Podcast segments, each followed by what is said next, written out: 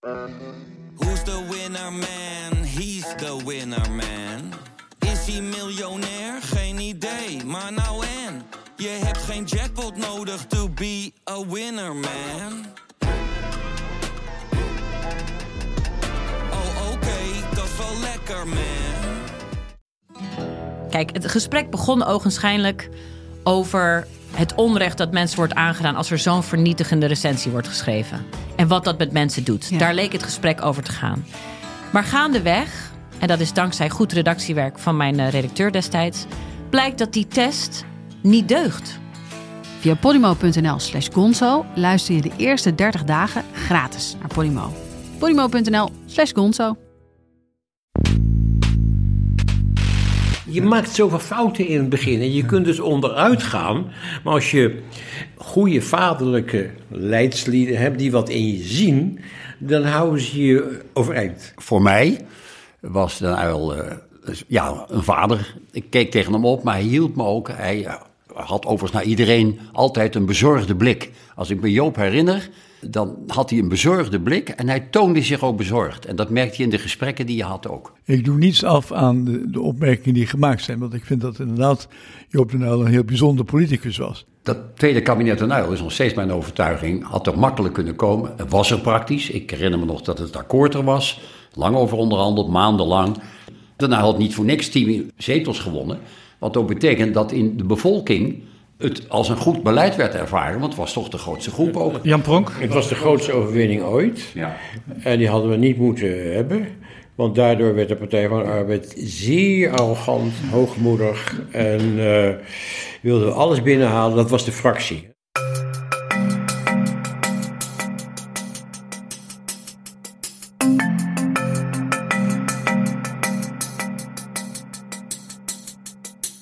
Hallo, welkom in Betrouwbare Bronnen aflevering 351 en welkom ook PG. Dag Jaap.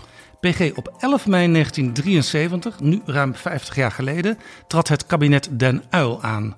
Een kabinet onder leiding van Joop Den Uyl van de drie progressieve partijen, Partij van de Arbeid, D66 en PPR, en twee christendemocratische partijen, de KVP en de ARP. Een halve eeuw geleden was dat en wij hebben te gast drie jonge bewindslieden van toen. Still going strong, heren. Minister Jan Pronk, toen ontwikkelingssamenwerking, 33 jaar. Staatssecretaris Laurent-Jan Brinkhorst van Buitenlandse Zaken, belast met Europese zaken, toen 36 jaar. En de Benjamin Martin van Rooyen, staatssecretaris van Financiën, belast met fiscale zaken, toen 31 jaar jong. Allemaal hartelijk welkom. Dank. Dank. Maar eerst, PG, zijn er nog nieuwe vrienden van de show? Die zijn er, ik gok, ietsje jonger. Maar misschien niet zo gedreven als deze drie heren.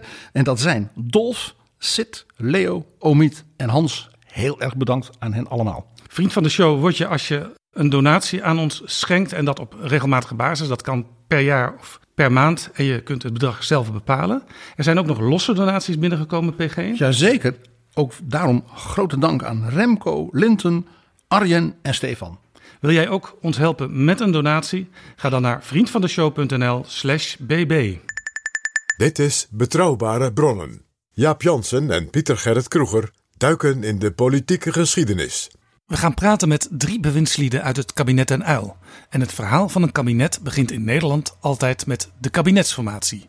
Drie progressieve partijen zaten aan tafel. De Partij van de Arbeid van Joop den Uyl, D66 en PPR.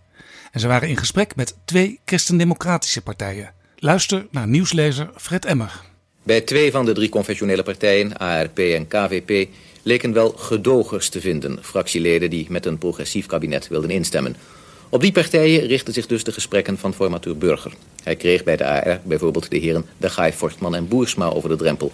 Maar zijn pogingen om meer confessionele steun voor zijn kabinet Den Uyl te krijgen verliepen moeizaam. Kandidaat premier Den Uyl zag het in die fase dan ook somber in. De formateur beraadt zich op eh, wat er te doen valt.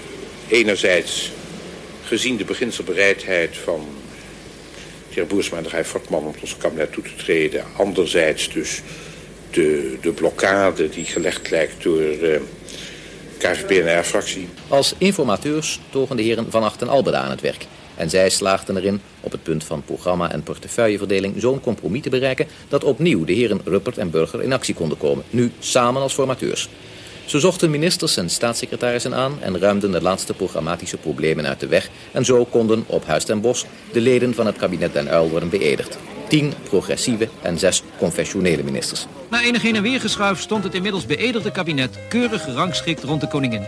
Met premier Den Uyl en vicepremier Van Acht van Justitie, de heren Van der Stoel, Buitenlandse Zaken, Gruiters, Volkshuisvesting en Ruimtelijke Ordening, de Guy Fortman, Binnenlandse Zaken, Van Doren, Cultuur, Recreatie en Maatschappelijk Werk, mevrouw Vorink, Volksgezondheid en Milieuhygiëne, Van Kemenade, Onderwijs, Trip, Wetenschapsbeleid en Technologie, Lubbers, Economische Zaken, Brouwer, Landbouw, Duisenberg, Financiën, Vredeling, Defensie,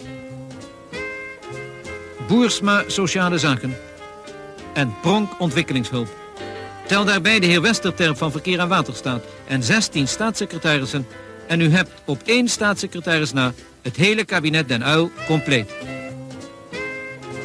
U zat alle drie in de ministerraad. Pronk omdat hij minister was en Brinkhorst en Van Rooyen omdat hun portefeuilles bijna altijd wel aan de orde waren.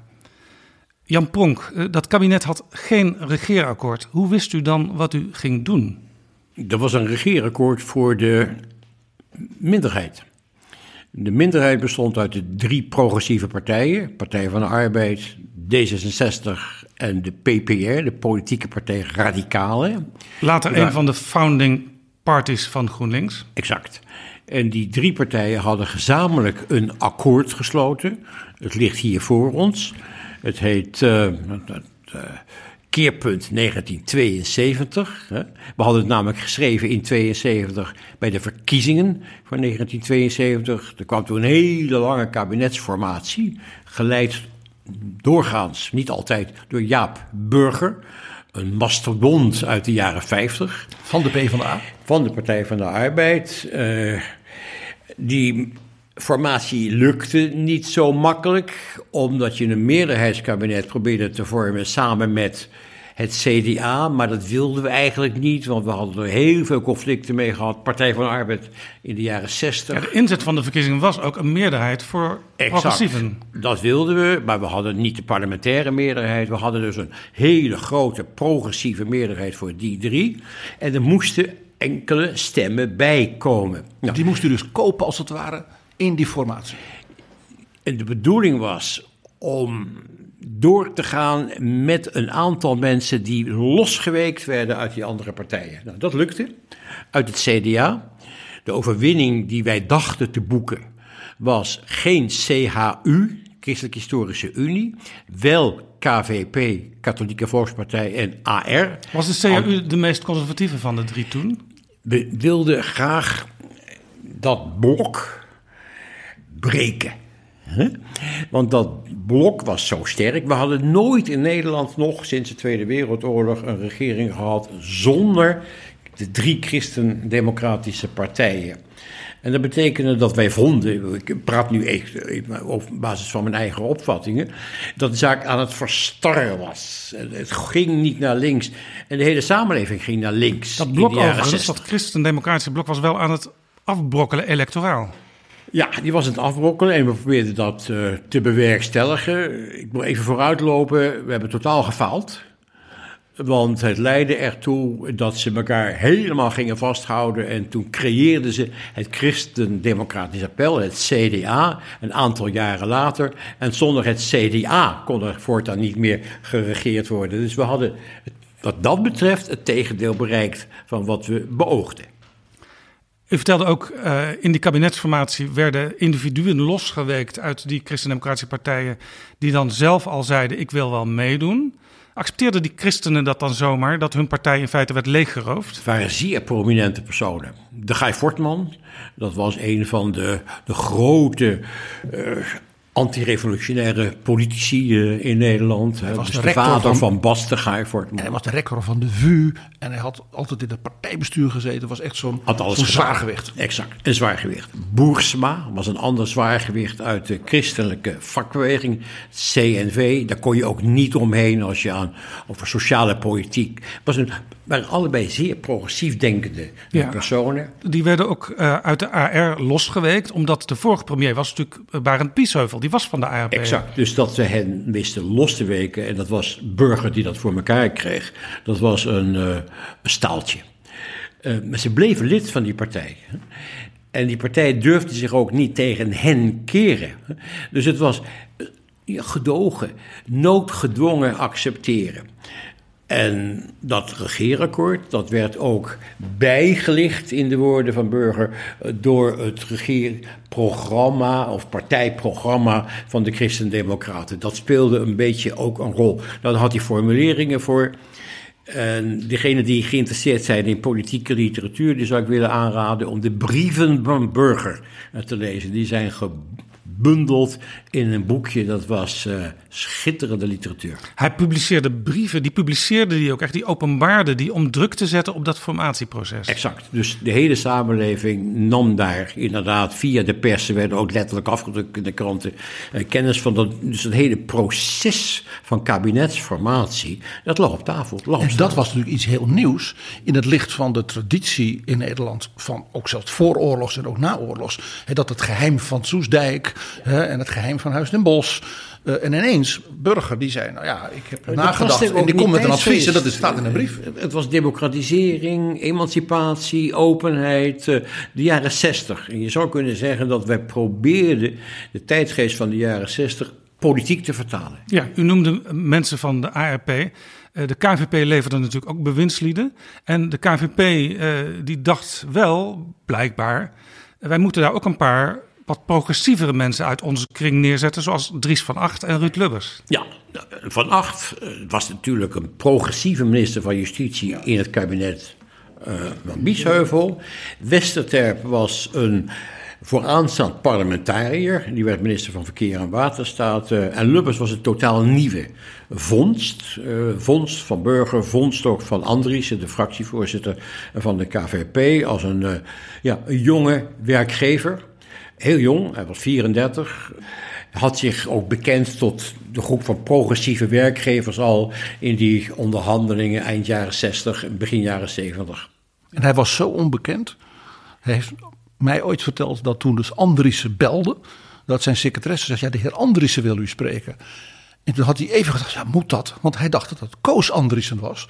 De, een van de bestuurders van de Christelijke Werkgeversbond, waar hij in het bestuur zat. Toen dacht hij, nou ja, verbind hem ook maar even door. Het was niet Koos Andriessen, het was Frans Andriessen. En die vrij, zou jij minister willen worden? Maar het was wel zo dat die, die twee christendemocratische partijen die deden dus wel mee en die wilden ook best wel investeren in dat kabinet. Oh ja, uh, kijk, de mensen werden gekozen tegen hun zin in. En het feit dat we ook van acht zover kregen om over te stappen, was natuurlijk ook heel wat. Het was tegen de zin van de partijen in, maar zij bleven wel contact houden met hun eigen fracties. Uh, dus het was een, een gedogen op afstand, maar het kwam steeds dichterbij in de loop van de jaren. Dus je zou kunnen zeggen dat we aan het eind van die periode een kabinet waren dat toch eigenlijk politiek gezien wel een beetje berustte op meerdere partijen dan alleen maar de progressieve drie.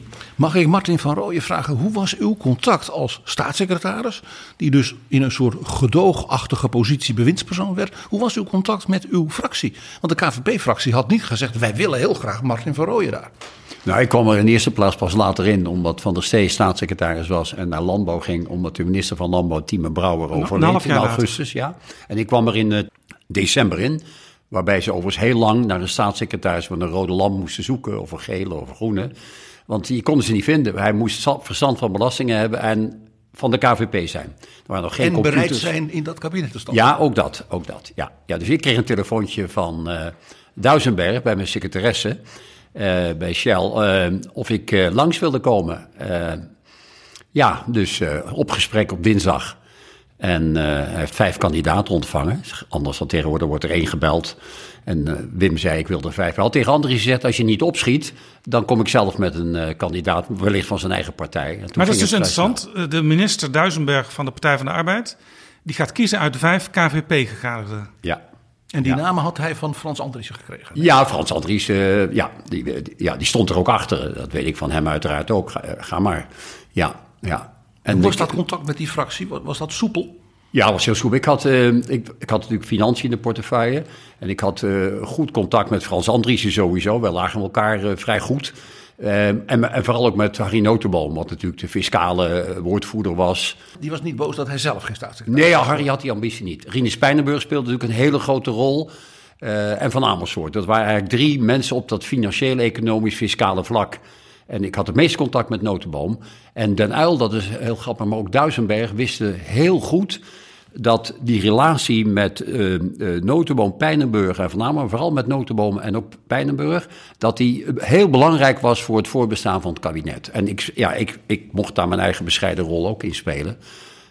Overigens met veel afstand naar de fractie ook. Hè? Want ik, ik vond met Duisenberg dat wij in dat kabinet ons ook erg al echt een beetje op afstand moesten hebben. Waarbij ik overigens moet zeggen dat ik natuurlijk met Wim Duisenberg het geluk had dat, dat we op één lijn zaten. En dat hij moeilijke politieke beslissingen voor hem, ook voor zijn eigen partij, renteaftrek, inflatiecorrectie, succes. Dat hij, Martin, ga maar naar de Nuil, ga jij het maar regelen, ik sta achter je. Ja, diezelfde vraag eigenlijk ook meteen aan Brinkhorst, uh, D66.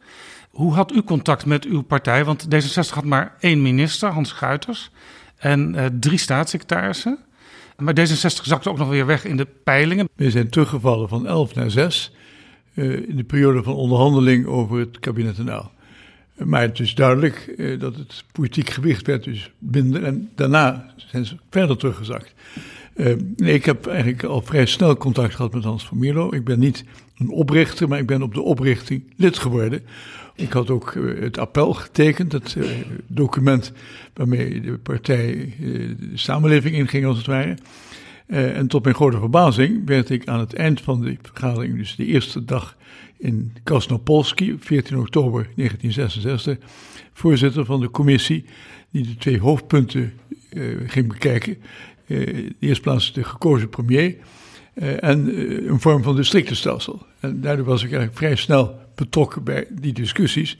En Hans van Mierlo die had heel erg veel belangstelling voor staatsrechtelijke onderwerpen. Ja, werd dus een bekende.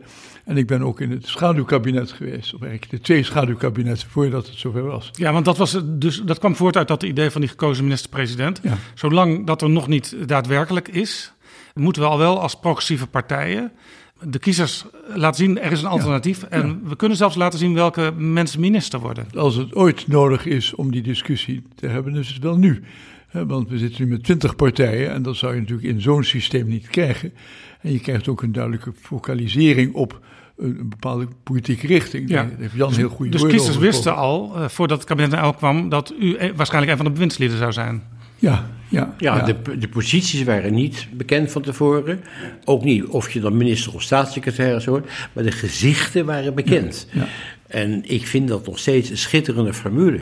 Dat kiezers weten wie er dan straks gaan regeren. Je hoeft niet de hele ploeg bekend te maken, maar wel de meerderheid ervan. Ja. Dat is een beetje zoals de Britten doen, hè, met een schaduwkabinet. Ja. Je ziet het in Duitsland ook wel. Dat, en dat de SPD heeft dan, als er een CDU-regering is, dan heeft de SPD zeg maar 10, 15 ja, top, toppers waarvan iedereen weet, die wordt dan minister als de SPD zou winnen. En wij zijn in Nederland ook een uitzondering. Ik geloof niet dat er enig land is dat ik ken dat 20 politieke partijen heeft. En doordat we dat uh, volstrekt uh, systeem hebben van uh, één zetel als je 0,6% van de stemmen hebt, ja, bevorder je dat. En dat wordt alleen maar erger, vrees ik, ja. als er niet veranderingen optreden. Maar daar heb je weer twee derde meerderheid voor nodig, want het ligt vast in de grondwet. Terug naar het kabinet en Uil. Dat trad aan. En Jan Pronk die ging naar de ministerraad met dat rode boekje, keerpunt 1972. Ja, ik, uh, ik was geloof ik de enige die dat bij zich had. Ik had het ook bij me op schoot, legde ik het. Want ik voelde me daaraan verplicht, gebonden. Dat is je programma. Grote delen had ik zelf geschreven, of mogen schrijven, of voorgezeten of, van de commissie die het schreef. Dus ik kende het. En ik wilde wel dat we beleid voerden dat in overeenstemming was met het programma. Het ligt een beetje voor de hand. Zo gaat het niet in de politiek. Dat merkte ik. Als u het uit uw hoofd kende, waarom nam u het dan mee naar de ministerraad als een soort pistool op tafel? Nee, want het lag op bij schoot. Huh? Maar sommige dingen, sommige dingen wilde je nog wel eens even letterlijk nakijken. Want het was natuurlijk over die teksten, was ook onderhandeld. Ik, ik, ik, zie, ik zie Martin van Rooyen allerlei gebaren maken. Meneer van Rooyen, leg Martin even kon het uit. niet zien, Martin Ja, zat Jan- links Jan, om de hoek en ik nee, zat nee, hier. ik zat in het midden, eh, de, de premier en Duisenberg en Lau- Laurens Jan en ik. Maar en Jan zat daar, Ja. aan de- op de kop van de tafel. En ik denk dat ik toch wel eens zag dat het op tafel lag. Oh, misschien daardoor wist het ik ook dat het rood Oh, het kan best zijn dat ik het aan het begin op tafel heb geleerd. Dat Juist. er opmerkingen over werden gemaakt. Juist. En toen heb ik het op mijn schoot gelegd. Daar dat zit is hij. waar, dat is waar. Ja, Ja. ja. En op een gegeven moment nam ik het niet meer mee. Want dan, dan leer je zoveel. Ik was een broekie. Ik, ik, ik kwam dus echt kijken. Eh, iedereen was ouder en wijzer, vind ik, dan ik. Dus ik zat daar echt Maar dat te idee had leren. toen niet. In 73 zeker. Zeker. Ik was de jongste minister. Nee, maar het idee, u had niet het idee, iedereen is wijzer, want u, u deed gewoon met ik dat was eigenwijs. met het boekje. Ik was eigenwijs. Maar goed, zij waren wijs. Anders was u er ook niet gekomen zo. Misschien. Ik had, een, ik had natuurlijk wel een rolletje gespeeld in de fractie in die twee jaar. En er is wel één belangrijke opmerking over de basis van het pakket te noemen. Het rapport van de Club van Rome was uitgekomen. Grenzen aan de groei. Den Uyl was er zeer door begeesterd. Zag A. de inhoudelijke waarde van die boodschap. Daar moeten we een politieke vertaling aan geven. Andere economie. Zag bovendien de politieke betekenis van op die manier, als ik dat ga proberen, haal ik D66 naar me toe. Want zij zijn ook mensen die zouden kunnen kiezen voor het rapport van de commissie Mansholt. Sterker nog, van Hans van Mierlo was met Den Uyl een van de twee politici die dat met kracht bepleiten. Dus samen zijn ze het gaan ja. doen. En Ja. dat is dus geworden een brede commissie onder leiding van Mansholt. Met mensen van D66, de PPR en de Partij van de Arbeid daarin. Ik mocht daar de secretaris van zijn als, als parlementariër. Eh, en ik heb toen in die commissie ook met rode oortjes zitten luisteren naar de wijsheden van eh, Mansholt eh, en anderen in die commissie. Maar ik speelde dus een beetje een rol en draaide op die manier door naar het kabinet. En dus was zoals de, de vertaling van het rapport van de Club van Rome... was een soort ideologische onderlegger onder dat kabinet. Ja, niet dat er veel van terechtgekomen is. Echt niet. Maar dat was natuurlijk ook opvallend, want de Partij van de Arbeid, zeg maar in de nou, 15 jaar daarvoor, was natuurlijk de partij van economische groei. Elke arbeider zijn autootje en iedereen. eh, En hè? dat was ook Den Uyl. Je zou kunnen zeggen dat Den Uyl werd bekeerd door het rapport van de Club van Rome. Goede politici zijn bereid om inderdaad op een gegeven moment een andere boodschap te gaan verkondigen. En dat heel duidelijk ook uit te leggen aan de mensen waarom ze dat doen. Laurens er Brinkhorst, u had keerpunt 1972 niet op schoot liggen in de ministerraad. Nee, nee. Ik had het wel gelezen, eh, maar ik ben niet zozeer eh, ja, schootliggerig. Ik bedoel, eh, het was evident eh, dat er nieuwe dingen in zaten. De aanzet, aanzet van duurzaamheid bijvoorbeeld, wat terecht speelde bij de Club van Rome. En ook, ja, wat voor ons ook heel belangrijk was, toch ook in de richting gaan van staatskundige vernieuwingen, zij het dan op partijpolitieke basis. Want het was inderdaad ondenkbaar dat dat via de grondwet zou, zou kunnen.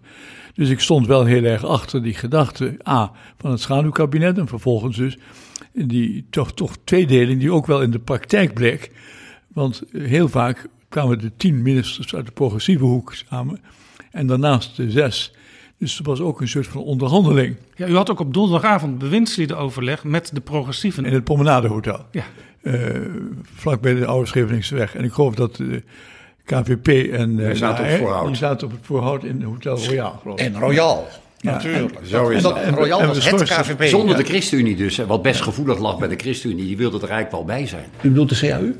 Ja, de CAU. Ja, ja ik leef nu in het, in het heden, dat is duidelijk. Dat is duidelijk.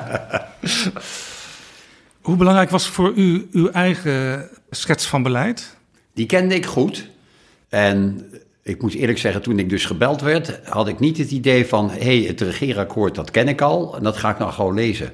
Daar was ook geen tijd voor, want een paar dagen zat ik er en de, de oliecrisis was er... en Wim zei, we gaan aan de slag. En eh, ja, ik denk dat ook eh, bij iedereen het beeld was... er is veel papier en er zitten veel gedachten achter... maar we moeten gewoon nu aan de gang en doorpakken. En dat vind ik, we hebben een hele goede start gemaakt, eh, economisch in die crisis. En dat gaf ook een binding tussen de diverse personen van allerlei pluimage. En ik heb eigenlijk vier jaar daarvan genoten, het collegiale. Er wordt wel eens gezegd over die tijd dat de verbeelding aan de macht was. Gold dat ook voor de KVP en de AR? Nou, het feit dat we uiteindelijk uh, instapten, hè, de vier KVP'ers die dus niet uh, al eerder waren uh, benaderd, was al, al een signaal. Kijk, de KVP zat dus ook, net als de AR trouwens, in een grote neergang vanaf de begin 60 jaar dat ik ook politiek geïnteresseerd was. En iedereen was duidelijk dat daar een keerpunt in moest komen. Ons eigen keerpunt uiteraard, dat zou een samenwerking zijn. En ik denk dat bij Piet Steenkamp was dat te merken ik vond eigenlijk bij Pieter Jong vroeger ook al hoor, eh, dat er een, een, een beweging was naar moderne. Ik vind nog steeds overigens, als je het over goede kabinet, het kabinet De Jong, een van de allerbeste met eminente ministers.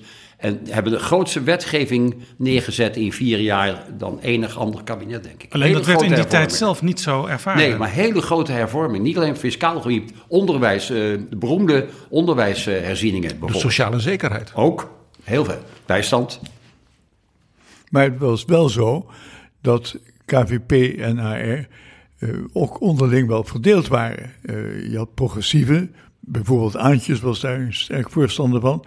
Uh, aanvankelijk ook Andriessen, die is later zich tegen het kabinet NL gaan keren. Maar er was dus een verdeeldheid en dat heeft gelegenheid gegeven, dat heeft Jan al heel goed aangegeven, dat de Gaar Voortman en Boersma erin kwamen. Want uh, daar was Biesheuvel eigenlijk razend over dat ze dus zonder zijn instemming uh, ja hadden gezegd. Uh, dus die verdeeldheid. En die is denk ik wel bevorderd het één worden. Juist door het optreden van het kabinet NL. Ik bedoel, in zekere zin was misschien die CDA nooit tot stand gekomen. als er zo'n enorme druk was nou, geweest van de andere kant. Ik denk wel dat we het gemaakt hebben, of gecatalyseerd. Nou, het heeft geholpen. Maar het heeft gecatalyseerd. Nee, uiteraard, ze maken zichzelf. Maar de vorming van het kabinet Den Uyl heeft het proces van de creatie van het CDA gecatalyseerd. Ruud Lubbers heeft ooit tegen mij gezegd... Joop heeft het CDA natuurlijk wel gecementeerd. Dus het was, er was al iets gaande, maar dat dat een soort, ja. soort gefundeerd werd. Ik vond de term cementeren ook heel mooi. Echt een Ruud, Ruud ja, en, en zeker, zei, dat, zeker, hij zei, dat, dat, hij zei, Joop deed dat, zijn zondangs. Ja, maar zeker ook uh, heeft uh, Dries van Acht door dat proces heel sterk de CDA bevorderd. Uh, want hij was oorspronkelijk helemaal niet zo'n erge partijman. hij is ja toch tot Dries Beton geworden. en aan het eind was hij eigenlijk heel blij dat er niet een kabinet L2 kwam. Later heeft hij gezegd dat hij dat betreurde, maar die periode is natuurlijk toch wel heel essentieel geweest in zijn politieke omslag. Ja. Even iets over die verdeeldheid waar Laurens Jan het over had eh, binnen de AR dan. Die heb ik in de KVP eh, minder gevoeld. Waarom? Uh, niet omdat in de KVP altijd als volkspartij het een partij was van links en rechts en hoog en laag, middenstand, boeren, uh, werknemers, vakbonden, uh, alles. Werkgevers, allemaal christelijke werkgevers, christelijke vakbonden. Het was één grote volkspartij en familie. Dus, en daar had je gewoon politieke vleugels, maar het was een eenheid die altijd gestanden is gebleven. Zij het dat het in een continue neergang was. Wat hier ook speelde, denk ik. Bijna zo erg als nu. Ja. Wat, wat daar ook speelde, was, was natuurlijk een verschil dat bij de AR, daar was dus men in die fractie verdeeld. En dan had je dus een soort biesheuvelvleugel en een aantjesvleugel die met elkaar knokten. De KVP had natuurlijk gewoon ja, een echte chef. En dat was Kijk, Frans Andriessen. Den Den Uyl heeft wel eens gezegd, er zijn maar weinig politieke partijen in Nederland. Echte politieke partijen. Hè, waarbij ook een politieke discussie plaatsvindt binnen de partij. En hij zei, er zijn er eigenlijk maar een paar. En de beste daarvan is misschien wel de AR. En noemde de Partij van de Arbeid was ook een echte politieke partij. Want we vochten elkaar ook binnen de partij de tent uit natuurlijk. Hè. Den Uyl kon dat, dat ook was, weten, want hij had als uh, jongen bij de Arjos gezeten. Dat zou kunnen, dat weet ik niet precies. Uh, dat is heel goed mogelijk, maar hij heeft altijd een zekere, zeg maar, ideologisch, niet religieus, maar ethisch hè, verbinding gevoeld met AR-politici dat was voor de Guy Fortman ook belangrijk om toe te treden. Hè. Zonder inderdaad de Guy Fortman en Boersma zouden we niet bij elkaar gebleven zijn. Ik moet er iets aan toevoegen. Ik, we zijn bij elkaar gebleven, ook in belangrijke mate doordat we te maken hadden met die grote crisis. Ja. En dat was al direct de oliecrisis. We zaten nog maar net als kabinet. En dat heeft het kabinet ook gesmeed. Daar moesten we, en dat had niets meer te maken met welk politiek programma dan ook. Dat werd daardoor Zakenkabinet. overweldigd. We moesten een antwoord vinden op een grote economische en politieke crisis die op Nederland afkwam. En het was een crisis die van buiten kwam. Hè? Het was Nederland- oorlog in het Midden-Oosten. Kwam Eh, op een ons boycott, Op- waar Nederland... Nederland af, van buitenaf. Ja. Olieboycott, de benzine ging op de bon. Exact. De verwarming moest zondag. eh, lager. Autoloze zondag. Ja, en daarvan zei Den Uyl, eh, we zijn in een nieuwe periode gekomen. Eh, een puur nationale economische politiek was er toen al niet, maar we waren dat ons minder bewust. Nu zou je zeggen, ja, het is vanzelfsprekend dat als er in Oekraïne is, als er in het buitenland dingen gebeuren, dan heeft dat grote impact. Maar die autoloze zondag was het directe gevolg van de eh, situatie waar Nederland in kwam, omdat wij als enige geboycott werden door de Arabische landen. Gisteren heeft de regering besloten dat vanaf 7 januari benzine alleen nog op de bon te krijgen zal zijn. Dat betekent dat voor het eerst sinds de oorlog een jonge generatie zal kennismaken met distributie aan het schaarste. En daar blijkt dus dat eh, je kunt nog zulke mooie eh, verkiezingsprogramma's schrijven eh, of, of een regeerakkoord. Maar al snel haalt de werkelijkheid je in. Ja, maar de, maar, de, maar de culturele sfeer van een programma blijft natuurlijk overeind staan. Hè?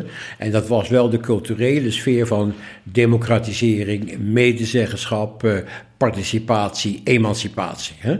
Dat is de rode lijn van de jaren zestig. Al die bewegingen die we probeerden te vertalen in de manier waarop we politiek bedreven. Dat is wat anders dan de politieke keuze zelf, maar de manier waarop je politiek bedrijft. En dat werd, geloof ik, in Nederland herkend. Maar we hoorden net van Martin van Rooyen dat bijvoorbeeld ook al het kabinet De Jong, wat toch een paar kabinetten eerder was, eh, ook al allerlei maatschappelijke hervormingen in gang had gezet. ja. Ja. Ik, ik kijk er dus toch ook iets meer Europees tegenaan. Ik ben het wel zeker met Jan eens dat die beweging er was. Maar het was ook een beweging in Frankrijk bijvoorbeeld. hè. 68, het verzet tegen Charles de Gaulle, die tien jaar geregeerd had. In Duitsland kwam eh, Helmut Schmidt naar voren. Eh, er was dus echt een verandering ten opzichte van Adenauer. En een deel van dat proces, maar bij ons toegespitst natuurlijk op het nationale kabinet, was het proberen inhoud te geven aan die democratisering. Dus u ziet eigenlijk een soort Europese trend van emancipatie. Misschien ook een, een jonge generatie die aantrad. Ja, ja, jazeker. Het kabinet De Jong was een kabinet van bestuurders. Het kabinet Ruil was een kabinet van politici. Het kabinet De Jong absorbeerde veranderingen. Den Uyl probeerde veranderingen te sturen, te leiden. En dat is een beetje het verschil. Ja, De Jong heeft wel eens gezegd, eh, verend meebuigen, dat is mijn stijl. Hij was een schitterende Dat heeft hij premier. knap gedaan, hè? De, de Jong was een schitterende premier. Nooit crisis in dat kabinet, wat ik me herinner. Nooit. Het was kennelijk een blok. Wat voor leider was premier Den Uyl? Nou, ik vind dat eerst Jan daarop moet reageren. Want we hebben daar misschien verschillende opvattingen over. Ik ben een beetje in den uil. Ik zie hem nog steeds als, eh, als leidsman, als voorbeeld. Ehm den uil was degene die altijd probeerde tegenspraak uit te lokken. Zo leidde hij. Ehm, hij wilde mensen naar zich toe halen die het niet met hem eens waren. Ik heb vele andere politici gekend die bleven overeind doordat ze gesteund werden door mensen die het met hen eens waren. Den Uyl zocht tegenspraak, daar leefde hij van. Ehm, en dat heeft me ontzettend voor hem ingenomen. Hij was wat dat betreft dus ook een, een intellectueel, een debater. Eh, hij had zijn opvattingen, eh, maar hij was bereid om die bij te sturen. En hij was bereid om zich kwetsbaar op te stellen. En ja, dat nam, geloof ik, ook al diegenen voor hem in die niet tot die drie progressieve partijen behoorden, maar die merkten dat hij hen net zo serieus nam als de mensen van de progressieve drie. Maar hoe gaf hij leiding? Want dit is een soort zeg maar, een houding van, van hoe discussieer je in zo'n ministerraad en met mensen. Maar hoe kwam hij bijvoorbeeld tot besluiten? Was dat eindeloos maar praten en praten, Ja. praten tot iedereen doodmoe liet was? iedereen behoorlijk aan bod komen. En eh, ik heb dus in meerdere kabinetten gezeten. Dit kabinet bestond uit mensen die ook meer dan een half uur aan het woord waren. En we gingen dan ook door, vaak tot diep in de nacht. Op het ogenblik is dat natuurlijk totaal anders. En ik zag het ook minder worden onder Lubbers 3, waar ik eh, deel van uit. En ook onder Kok, die wilde dat helemaal niet, zo lange uh, toespraken. Maar, onder maar dat, voor de was het functioneel. Het was, want iedereen legde ook dan op tafel de inhoud van zijn ideeën, op grond waarvan hij tot een bepaald standpunt kwam. Hij leidde dat aan het eind. Bovendien wist hij precies wat hij uiteindelijk wilde. Uh, hij bleef ook wakker.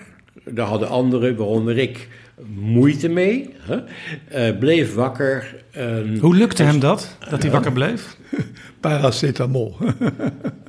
ja, maar dat weet ik niet. Hij was, hij was, ja, hij was stevig. Of was hij de enige die niks dronk eh, s'avonds in nee, de ministerraad? dronk wel, maar weinig. Uh, er werd veel gedronken. Er werd te veel gedronken. En gerookt ook. Te veel. Ik dronk ook te veel. Uh, het, uh, dat was een, het werd ook gerookt. Het was een totaal andere sfeer in, in die tijd.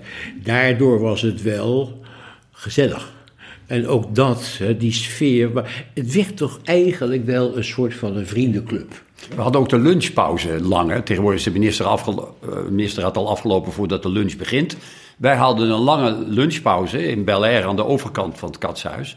En we wisten dat het minstens het begin van de avond zou worden, zo niet nacht. Dus die lunch was ook heel belangrijk voor het uithoudingsvermogen. Ik vind dat ze beiden een hele goede beschrijving hebben gegeven. Ik wil toch een kleine kanttekening maken.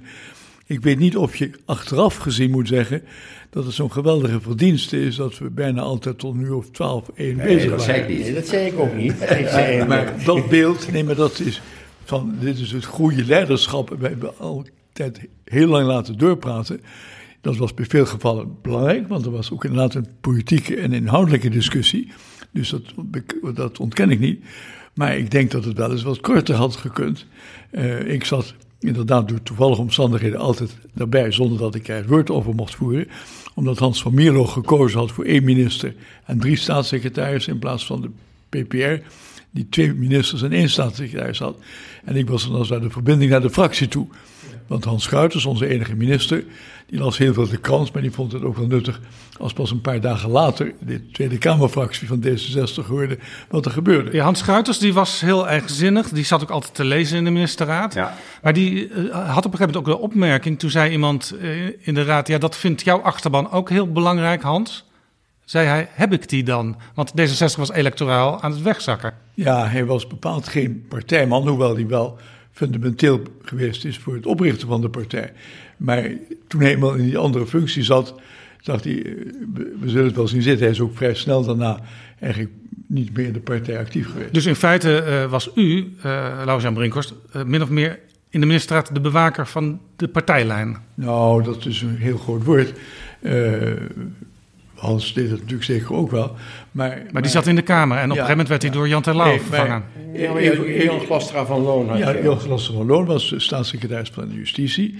Helaas snel daarna ook moeten aftreden na een conflict met... met uh, Hij was wel een echte D66er. Martin van Rooij. Ja, ik wou nog iets zeggen over, de, de, over Den Uil. Um, ik vond hem in de eerste plaats een bewogen politicus. Ik vond dat als jong jongetje fantastisch om dat allemaal te zien en te, te horen. Hij leidde de ministerraad met veel geduld, wat Jan ook al zei. Hij kon ontzettend goed luisteren. Uh, ook in de gesprekken die ik onder vier ogen met hem had. over de, wel of niet de renteaftrek van twee uur en de inflatiecorrectie. dan wissel je de argumenten uit. En ik heb weinig politici meegemaakt, loop al een tijd mee, ook nu. die goed kunnen luisteren en uiteindelijk wegen. ook politiek, maar ook eerst inhoudelijk en vervolgens politiek. wat de wijste oplossing of compromis is. En uh, wat ik natuurlijk ook erbij wil zeggen nog, is dat in, in de, anders dan nu werden praktisch alle besluiten in de ministerraad genomen. Daardoor duurde het lang. Tegenwoordig is alles voorgekookt op maandagmorgen en, uh, en, en donderdagavond. Uh, dat kon bij ons zien wat het een, een bijzonder kabinet was. Maar iedereen ging vrij met zijn eigen lijnen van de diverse partijen dat overlegging. Daardoor duurde dat ook lang, maar kwamen er wel uit, want er was een open situatie. Maar tegenwoordig, als je minister of staatssecretaris wordt, dan hoor je, voordat je je eerste ministerraad hebt, ja, wij hebben hier het non-interventiebeginsel. Ja, ja. Je mag je in beginsel niet bemoeien met het beleid Wij van je collega. over alles spreken. En u deed dat ook. Alles, ik deed dat ook wel. Ja. Ehm, maar ik geef nog een anekdote van de manier waarop Den Uyl leiding gaf. Dat had te maken met de periode vlak voordat we gingen regeren. Ik was, zoals ik al zei, jong en enthousiast. En ik werd uitgenodigd om een toespraak te houden in Den Haag voor de Partij van de Arbeid van een bepaalde wijk. En eh, dat, ik, ik, ik was nogal enthousiast en ik gaf een beetje af op D66. Dat vond ik allemaal niet zo echt eh, links en progressief. Daar zat Jan Vis als parlementair redacteur van de NRC en die kende ik niet. Dus mijn kritische toespraak stond op de voorpagina van de NRC de volgende avond. De liberale avondkrant van toen. Exact. Eh, en dat was niet niks. En ik begreep dat ik een fout had gemaakt. Echt een fout had gemaakt. En D66 was, van Milo, was boos. Dus ik werd geroepen bij de Uyl. Dus met hangende pootjes naar, de, naar zijn kamer toe. En ik kom binnen en Joop zegt, eh, ga zitten.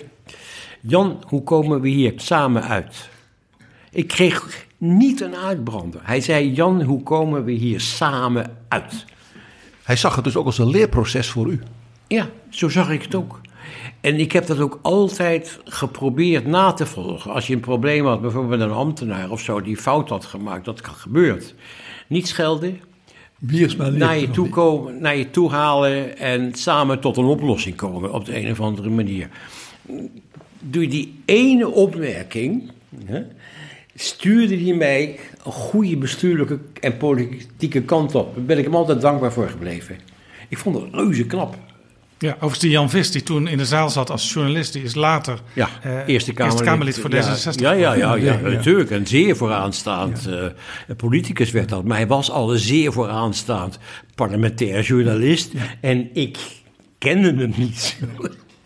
Dus het was eigenlijk ook een beetje naïef van u. Dat u daar, Tuurlijk daar in Den dat Haag zo. zomaar ging staan toeteren. Je, je maakt zoveel fouten in het begin. En je kunt dus onderuit gaan.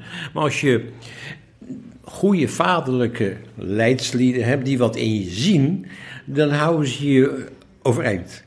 Jan heeft het nu over vaderlijk.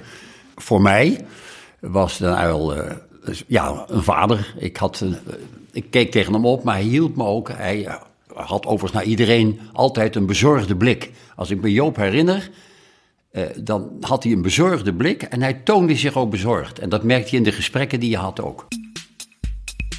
Hoi, ik ben Alexander Klupping. Ik weet dat jij, net als ik, met heel veel plezier luistert naar betrouwbare bronnen. Maar je zou Jaap en PG echt helpen als je nu vriend van de show wordt. Dat kan met een donatie, per maand of per jaar. En dan kunnen ze nog veel meer afleveringen maken en zeg nou zelf, dat wil jij ook. Dus ga nu naar vriendvandeshow.nl slash bb. En doe het niet straks, maar nu. Ik doe niets af aan de, de opmerkingen die gemaakt zijn, want ik vind dat inderdaad Joop den Uyl een heel bijzonder politicus was. Op mijn terrein eh, heb ik dat altijd minder ervaren. Europa. Eh, want eh, dat kabinet, hoewel solidair naar Nederland toe, toonde nooit heel veel solidariteit naar de rest van Europa toe. Bijvoorbeeld het Europees Regionaal Fonds, dat in 1975 werd opgericht, is ook opgericht mede met een stuk ja, verzet van Nederland. Want we moeten niet te veel geld naar het buitenland sturen. Nou, die lijn, die zult u zich herinneren, die is vele jaren later vervolgd en is eigenlijk nog steeds een kenmerk. En ik heb één keer met eh, Joop den Uyl erover gesproken.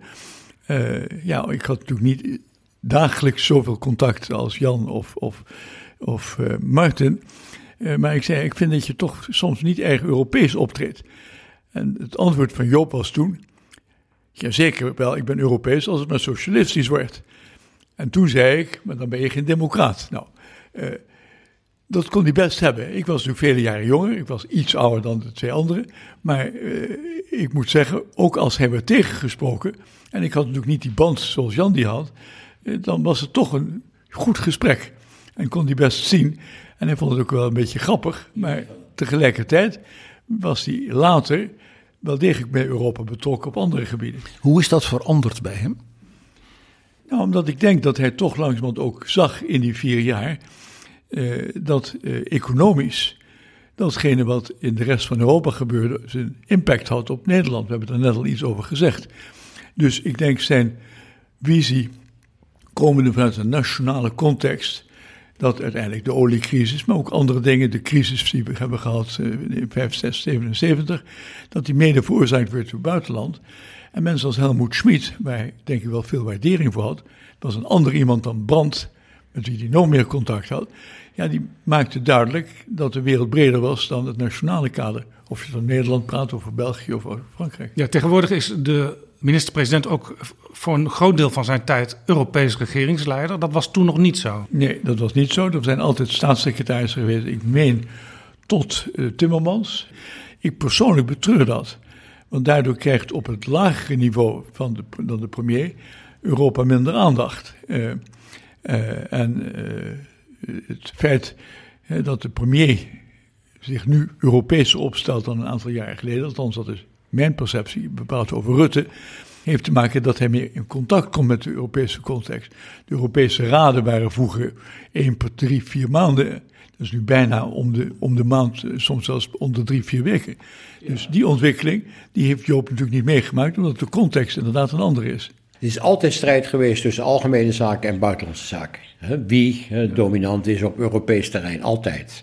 En dat had soms consequenties voor de verhouding tussen de bewindspersonen zelf, de minister-president en de minister van Buitenlandse Zaken.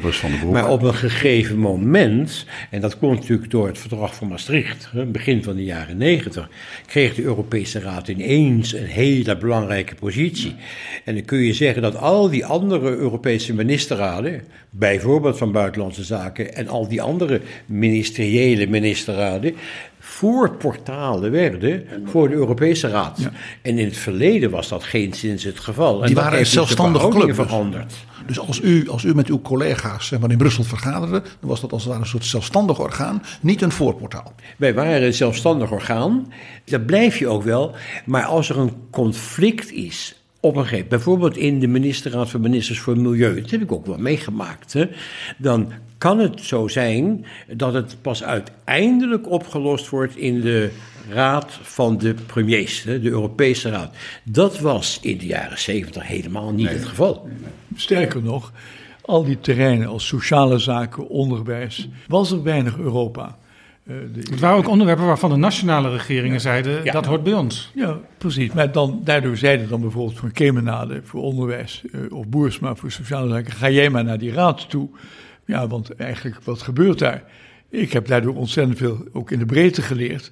Maar het is zeker zo dat in die tijd die onderwerpen nauwelijks Europees waren. Dus u zat zelf in raden waar eigenlijk, en zeker tegenwoordig, een vakminister zou zitten. Ja, maar dat was niet omdat eh, dat normaal was. Zo'n vergadering werd dan gehouden op een dag dat de betrokkenen niet kon.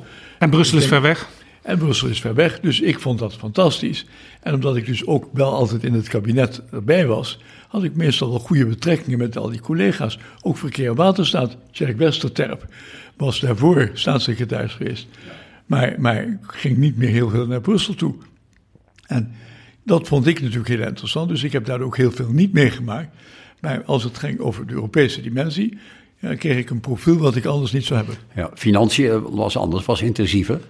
Eh, met name bijvoorbeeld het hele proces van 60 en 70 harmonisatie van belastingen in Europa, de BTW, het grote voorbeeld. Nederland was de laatste die de BTW goedkeurde. Hè, eh, Zijlstra zei, ik stap pas in die trein, ook eh, Willem van den Bergen, ik stap pas in die trein in de laatste wagon.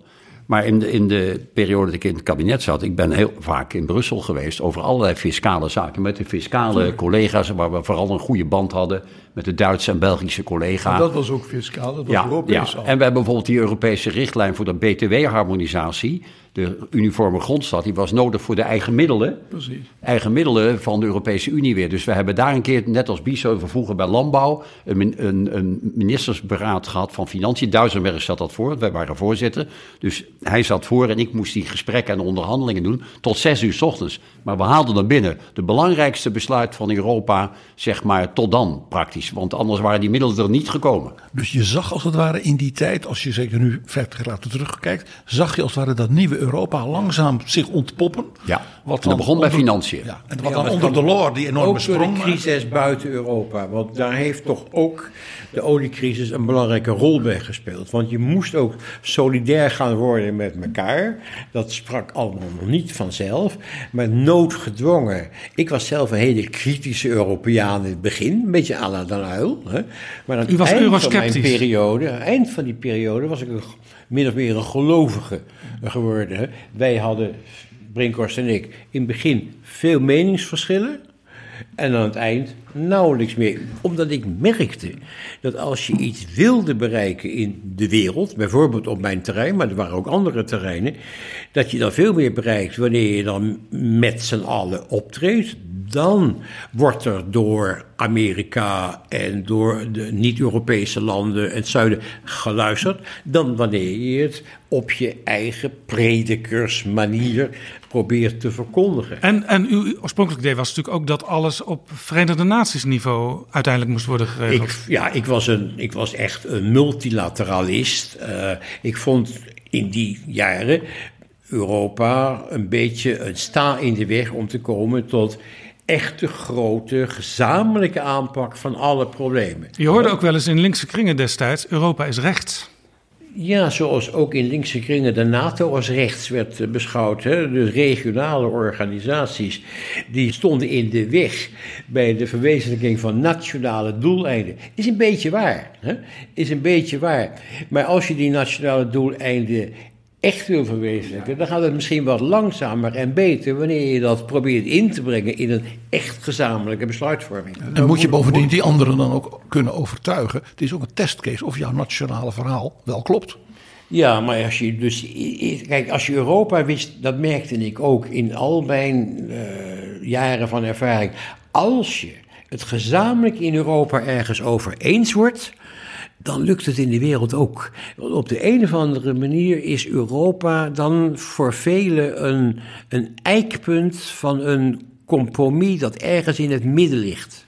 Een mooi, mooi voorbeeld is wat toen ondenkbaar was. Het feit dat op dit ogenblik iets van 5 miljard euro aan wapentuig door Europa aan de Oekraïne wordt gegeven. Nou, in de eerste plaats, de Europese Unie was altijd een vreedzame organisatie waar het begrip uh, politie of het begrip leger helemaal geen rol speelde. En in de tweede plaats, als dat zou gebeuren, dan zou dat via de normale weg met de raden zijn. Jan heeft terecht gezegd, de Europese Raad speelt een enorm belangrijke rol. Het is in een Europese Raad geweest, en begin vorig jaar, dat er dus voor het eerst zomaar uit het niets Europees geld is gegaan naar wapentuig. Nou, die ontwikkeling die zou je nooit kunnen hebben als je niet een Europese Raad had waardoor het wordt afgedekt door de premiers. Kijk naar het wereldwijde klimaatbeleid.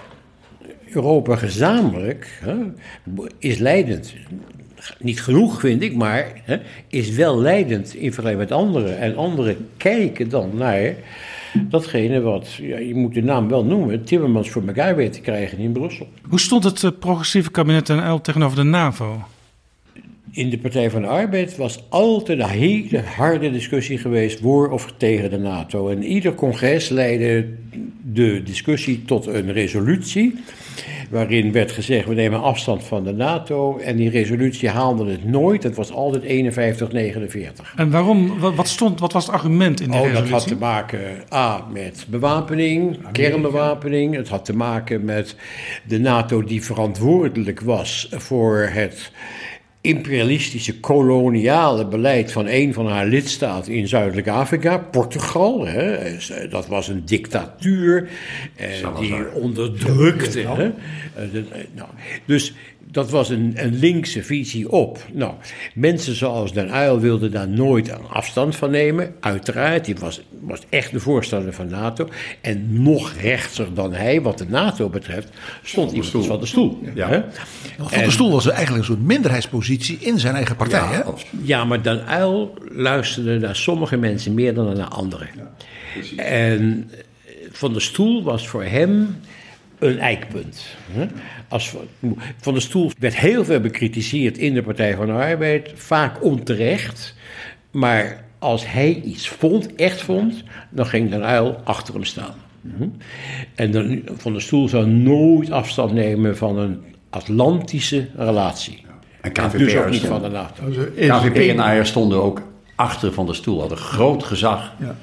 Eh, ja, wederzijds. Ja. Ja, hij was minister van Buitenlandse Zaken en eh, werd dus uiteindelijk gesteund door eh, alle partijen in het Nou, kabinet. belangrijk niet is- zijn eigen partij. Er is één uitzondering. Dat was toen we eh, van 8 2 kregen. eh, waar de Partij van de Arbeid ingestapt is. Met een voetnoot dat als het tot plaatsing van kernwapens zou komen. dat ze dan uit zouden treden. Mijn, een- mijn enige geschilpunt ooit met Max van der Stoel geweest. Want ik heb vier jaar fantastisch fijn onder hem gewerkt. Eh, want ik hoe kun jij dat nou accepteren? Maar dat was toen de voorwaarde om überhaupt mee te kunnen doen. Ja, u was de man, uh, Laurens Brinkhorst, uh, bij D66, waar ook debat was over de kruisraketten. Zeker. We spreken inderdaad nu na het kabinet en Wij, wij, zijn nooit zo ver gegaan. Maar u heeft toen de toverformule bedacht op het uh, D66-congres. Uh, want daar was ook de helft ongeveer die er meteen vanaf wilde van die kernwapens. Uh, wij zijn onder de huidige omstandigheden ja. tegen nieuwe ja, kruisraketten. Ja, omdat het ging om onderhandelingen. Uh, ook in Duitsland was er kritiek. Helmoet Schmid uh, was toen premier, of bondskanselier. Is later wel moeten aftreden, mede door deze ontwikkeling. Maar het centrale punt, dat was Max van der Stoel en daar was ik het helemaal mee eens, was... Je moet eerst onderhandelen om minder kernwapens te hebben. Je moet druk en, zetten om iets te kunnen ja, maken. En mijn voorbeeld was altijd: uh, ik heb liever dat er 50 Duitse kernwapens zijn en 10 Nederlandse, dan 200 Duitse en geen Nederlandse. Ja. Uh, en die ontwikkeling, die speelde in beide partijen, in beide landen, waarbij in Nederland we wat verder gingen. Maar dat kabinet is ook snel vertrokken. Dat was het kabinet van 8-2 wat uiteindelijk uit elkaar gevallen is. Ja, Den Uyl die, die, die had ook problemen met uh, wat gaan we, hoe gaan we die kernwapenproblematiek aanpakken. Uh, maar goed, dat was na het kabinet Den Uyl. In de tijd van het kabinet Den Uyl en ook daarvoor al... werd Den Uyl natuurlijk ook op de hielen gezeten door Nieuw Links in de Partij van de Arbeid. Zeg maar de, de jonge linkervleugel. Hoe ging die daarmee om? Want het kon natuurlijk niet links genoeg voor die vleugel. Nee, ik was, ik was een, een onderdeel van die groep. Uh, we kwamen ook bij elkaar. Het was in de periode tot aan het kabinet hoor. Tijdens het kabinet deden we dat niet meer in Steenwijk. Dat heette dan de Steenwijkgroep. Uh, dat werd geleid door uh, André van der Lauw. Hè? En daar zaten dus nieuw-linksers in. Uh, er waren geleidelijk aan wat meer nieuw-linksers gekomen in de fractie. Hè? De enige uh, in de periode voordat we gingen, in, voor 72 was Hans van der Doel. Hè? en toen kwam er ineens een heel groepje. We kwamen ook bij elkaar. Um, Dan Uyl wist dat. Um, hij wilde graag weten wat er besproken werd. Hij wilde dat wel graag horen. Vond hij het lastig? Ja, maar hij kon ermee omgaan. Zoals de leiding van de Partij van de Arbeid in die tijd omging met critici. Nieuw Links, het had best kunnen leiden tot een scheuring. Zoals we ook een scheuring hadden aan de rechterkant hè, met uh, democratisch uh, DS70 of zo. Nou, um, die groep kwam heel veel bij elkaar. Er waren teach-ins en dergelijke. Het was een spannende tijd. Mijn stelling is dat Vondeling, Tans, de voorzitter, en Den Uyl, die hebben de zaak bij elkaar weten te houden door duidelijk te maken aan de nieuw-linksers, en dat waren natuurlijk allemaal jonge mensen, hè, dat ze hen inhoudelijk serieus namen. Dus ze gingen met nieuw-links in debat. Ook als ze het niet met alle stellingen eens waren. Ook ja, nu, dat, was wat ik net zei over. Den Uyl hield er ook van. Dus in Nieuw Links werd gezegd, ze nemen ons serieus. Ze vallen ons aan inhoudelijk en we kunnen discussiëren. Ze nemen ons serieus. Ze wijzen ons niet af. Nou, dat was dé methode om bij elkaar te blijven. Maar dat was dus hij niet alleen. Dat deed, ik vond, volgens mij was dat ook Vondering en Tans, die heel belangrijke posities hadden in die tijd uh, in de Partij van de Arbeid. Uh, daardoor kwam er geen linkse scheuring. Zoals dat in de AR later wel het geval was, hè, met de, de, de spijtoptand. spijtoptand.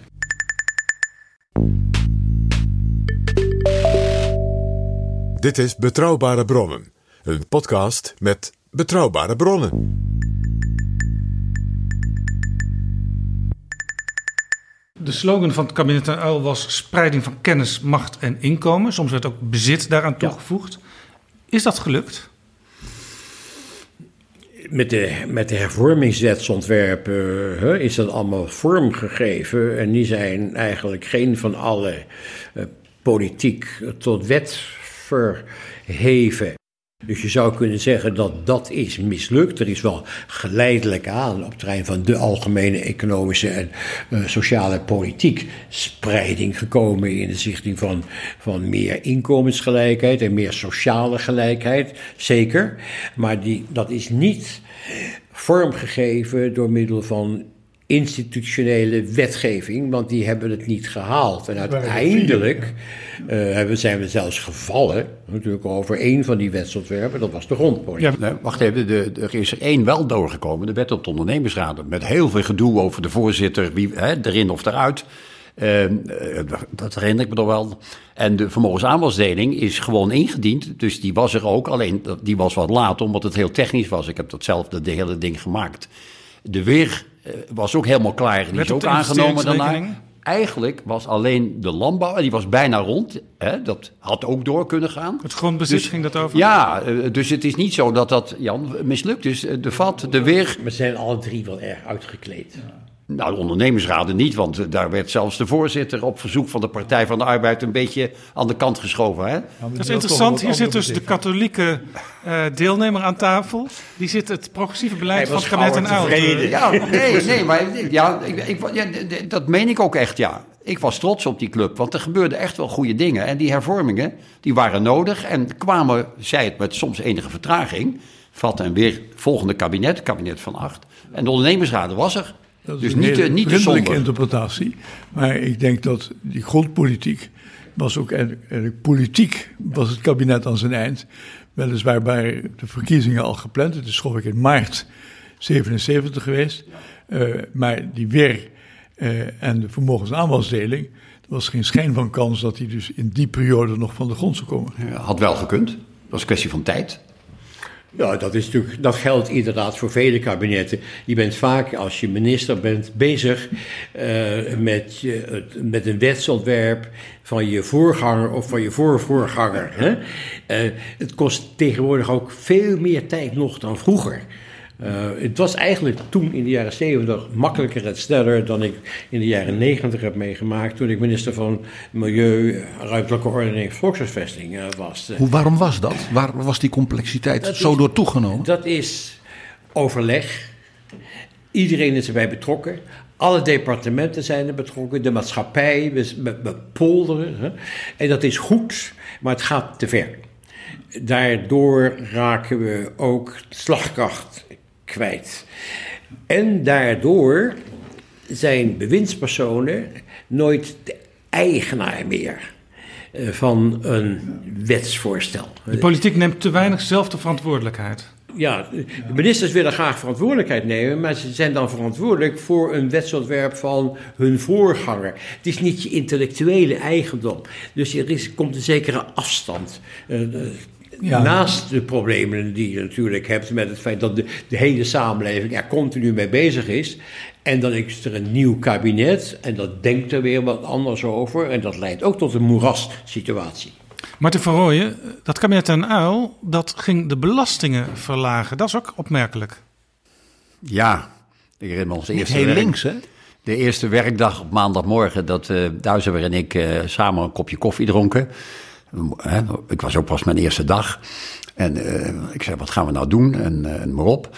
En eh, hij zei, ja, de economische situatie is heel zorgelijk. Ik zeg, zullen we dan de belastingen gaan verlagen?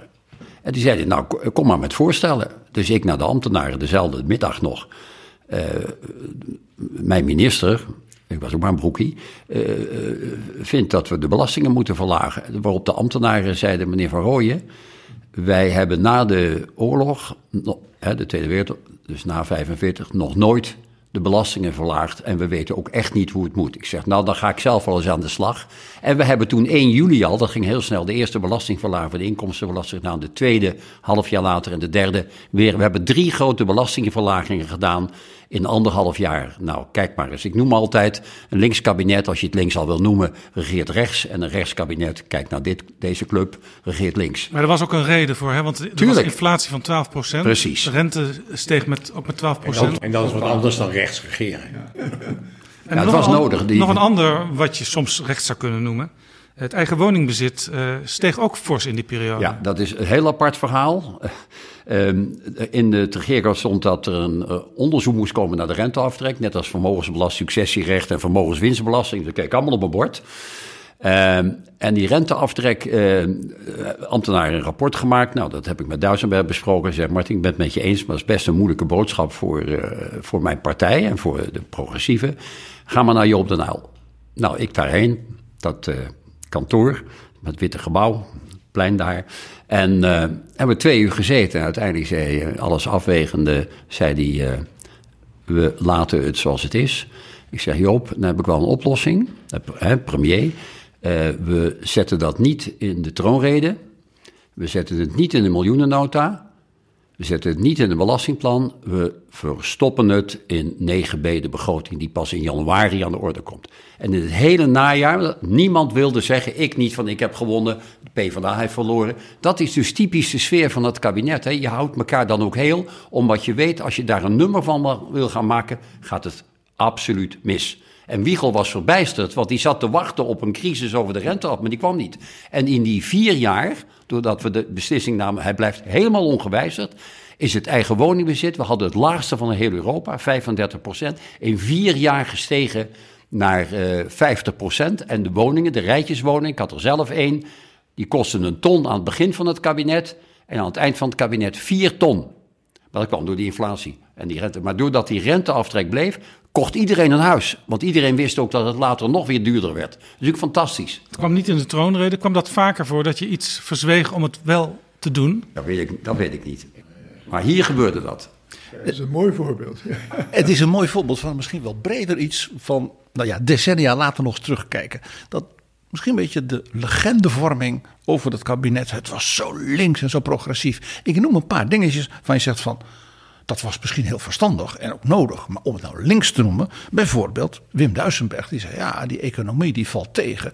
Dus wij gaan de groei van de overheidsuitgaven 1%. gaan wij remmen. De zogenaamde 1% operatie. En dat was in zekere zin ongeveer het beleid dat Frans Andriessen daarna eh, onder eh, Van Acht Wiegel deed. Nou, nog een mooi voorbeeld. De grote culturele veranderingen. Eh, Bewindslieden waren niet meer excellenties. Wij begrijpen dat dat al is gebeurd onder Biesheuvel. Ja.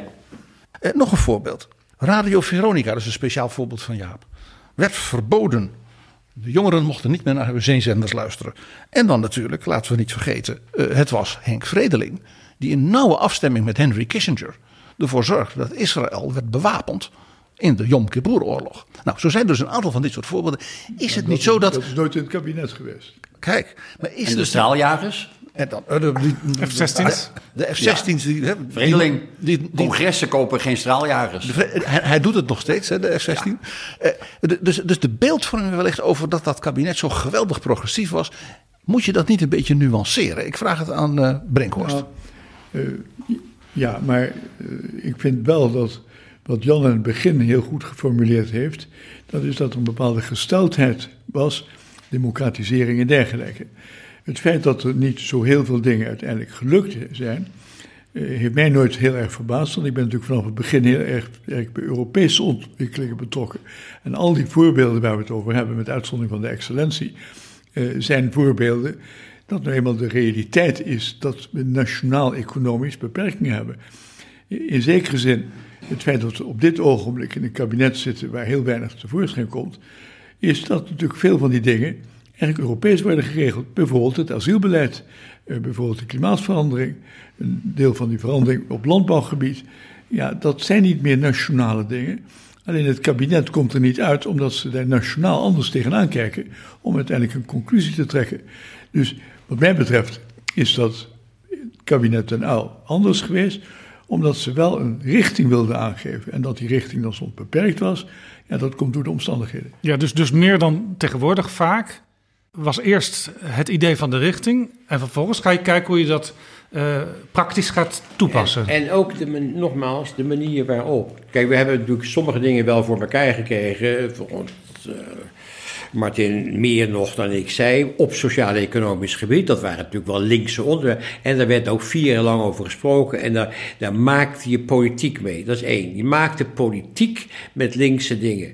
Punt twee, op cultureel terrein, en dan zeg ik cultureel, dat heeft te maken met democratie, met medezeggenschap, de positie van vrouwen hè, in, in de samenleving. Het kabinet had één vrouwelijke minister. Ja, maar de positie van vrouwen in de samenleving. Het hele debat over emancipatie, over abortus. Ja. Hè?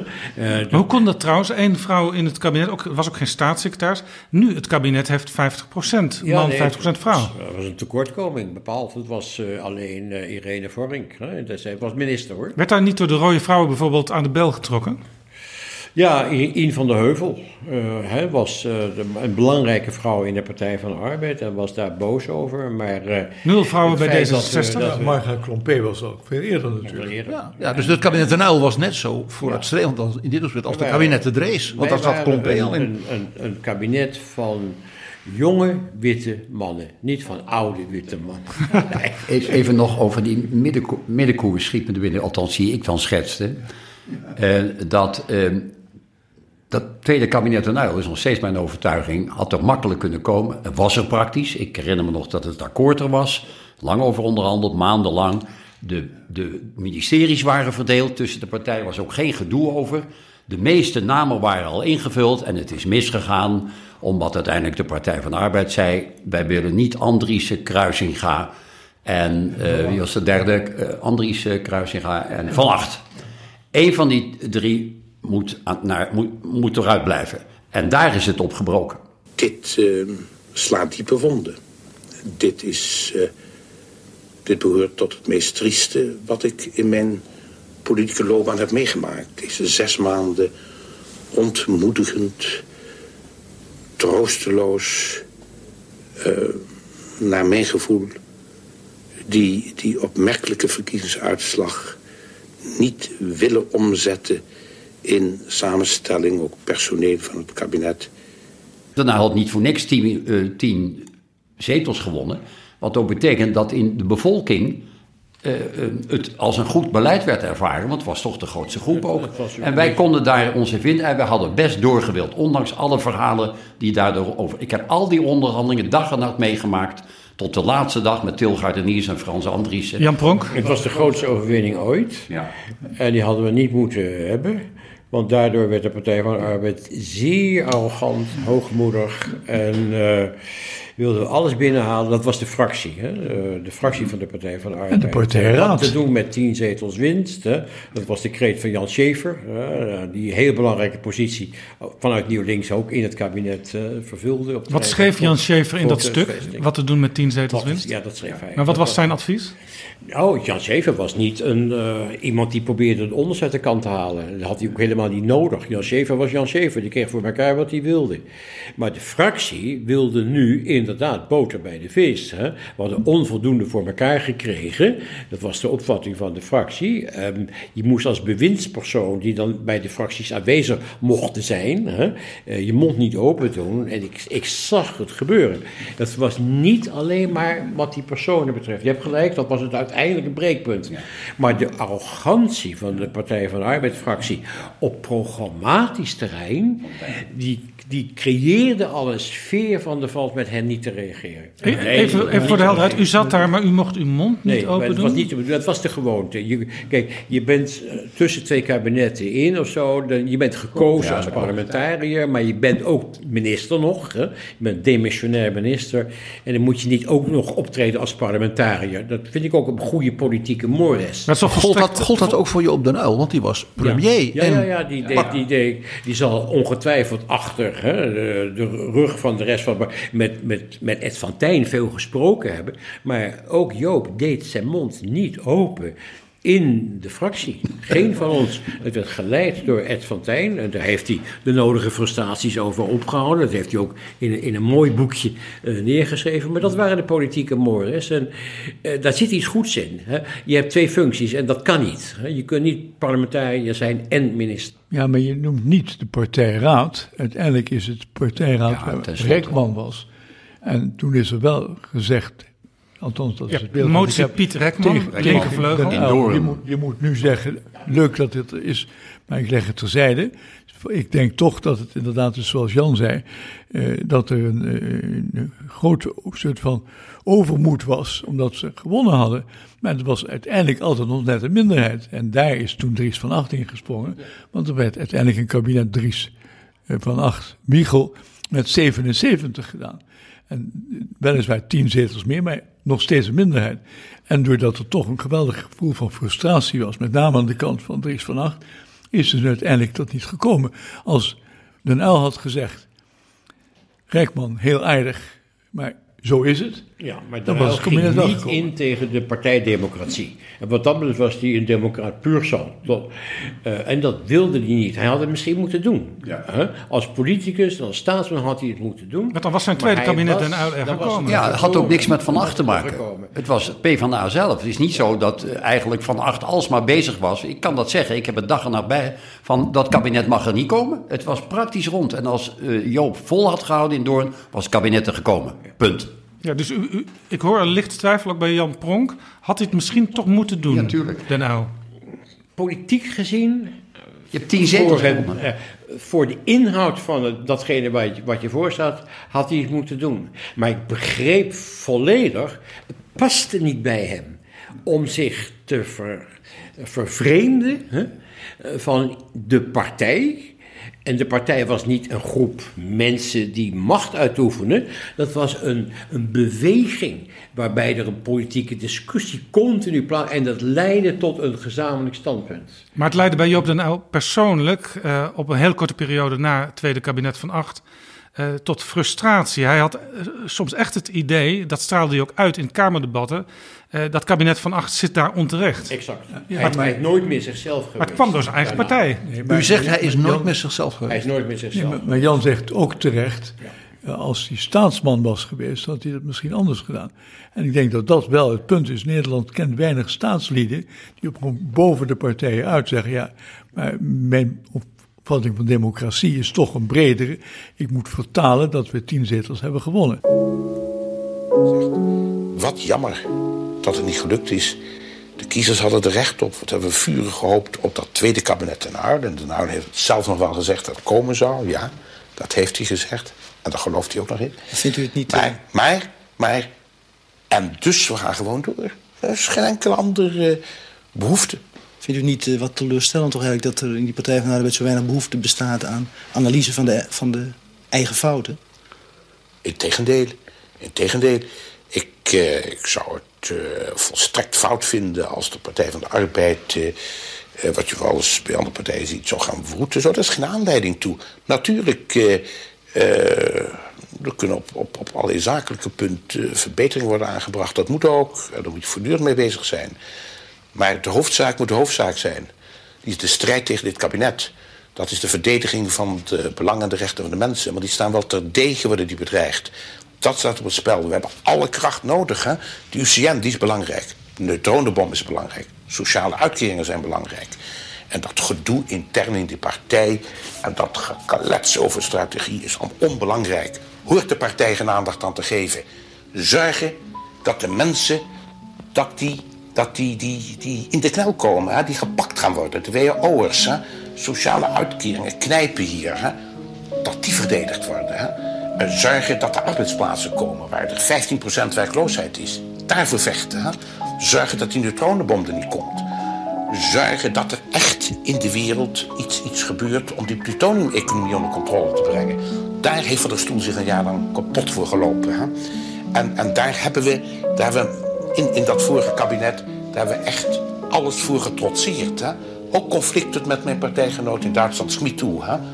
die ik verder een, een, een, een geweldige vent vind. Maar we kunnen ook keihard botsen. Hè? Dat is van belang. Hè? En niet dat interne gemier. onbelangrijk. Als ik u nou zo hoor praten, dan krijg ik helemaal niet de indruk... dat de Partij van de Arbeid nou een beetje lessen aan het trekken is uit wat er gebeurd is. Nee, de Partij van de Arbeid moet ook niet van koers veranderen.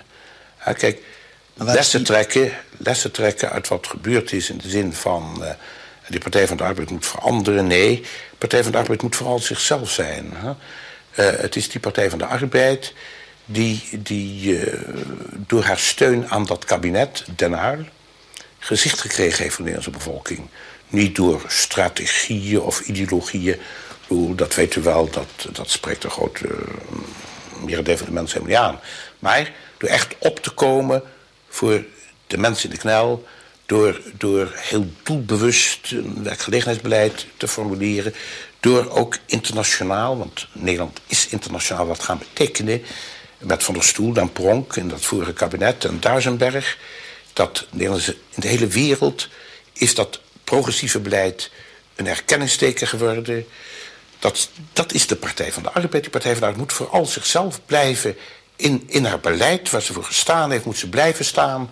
En uh, ja, weet wel van mij, vooral niet over strategie praten... want het komt altijd op beleid aan. Dat is het enige wat telt. De mensen herkennen je aan wat je doet. Daar meten ze je aan af. Nou, dat is wat de Partij van de Arbeid betreft in orde. En zo moet het blijven. Maar het gekke is dat, dat um, als je nou kijkt, sinds dat zo duidelijk werd, eind november, december. Nou, het terugtreden van het kabinet, optreden van Van Acht Wiegel. Um, het is inderdaad zo dat ik geen enkele aanwijzing heb dat de mensen de Partij van de Arbeid echt iets verwijten. Ja, in het CDA. Ja, moeten de eigen straat schoonvegen. Maar van de eigen aanhang is geen enkel teken dat men het niet aanvaardt. Men vindt het jammer. Ik vind het ook doodjammer. Doodjammer. Maar, maar men ziet het onvermijdelijke als je met een, met een rechtsmoel de kiezers wil blijven aankijken. Je kon niet anders.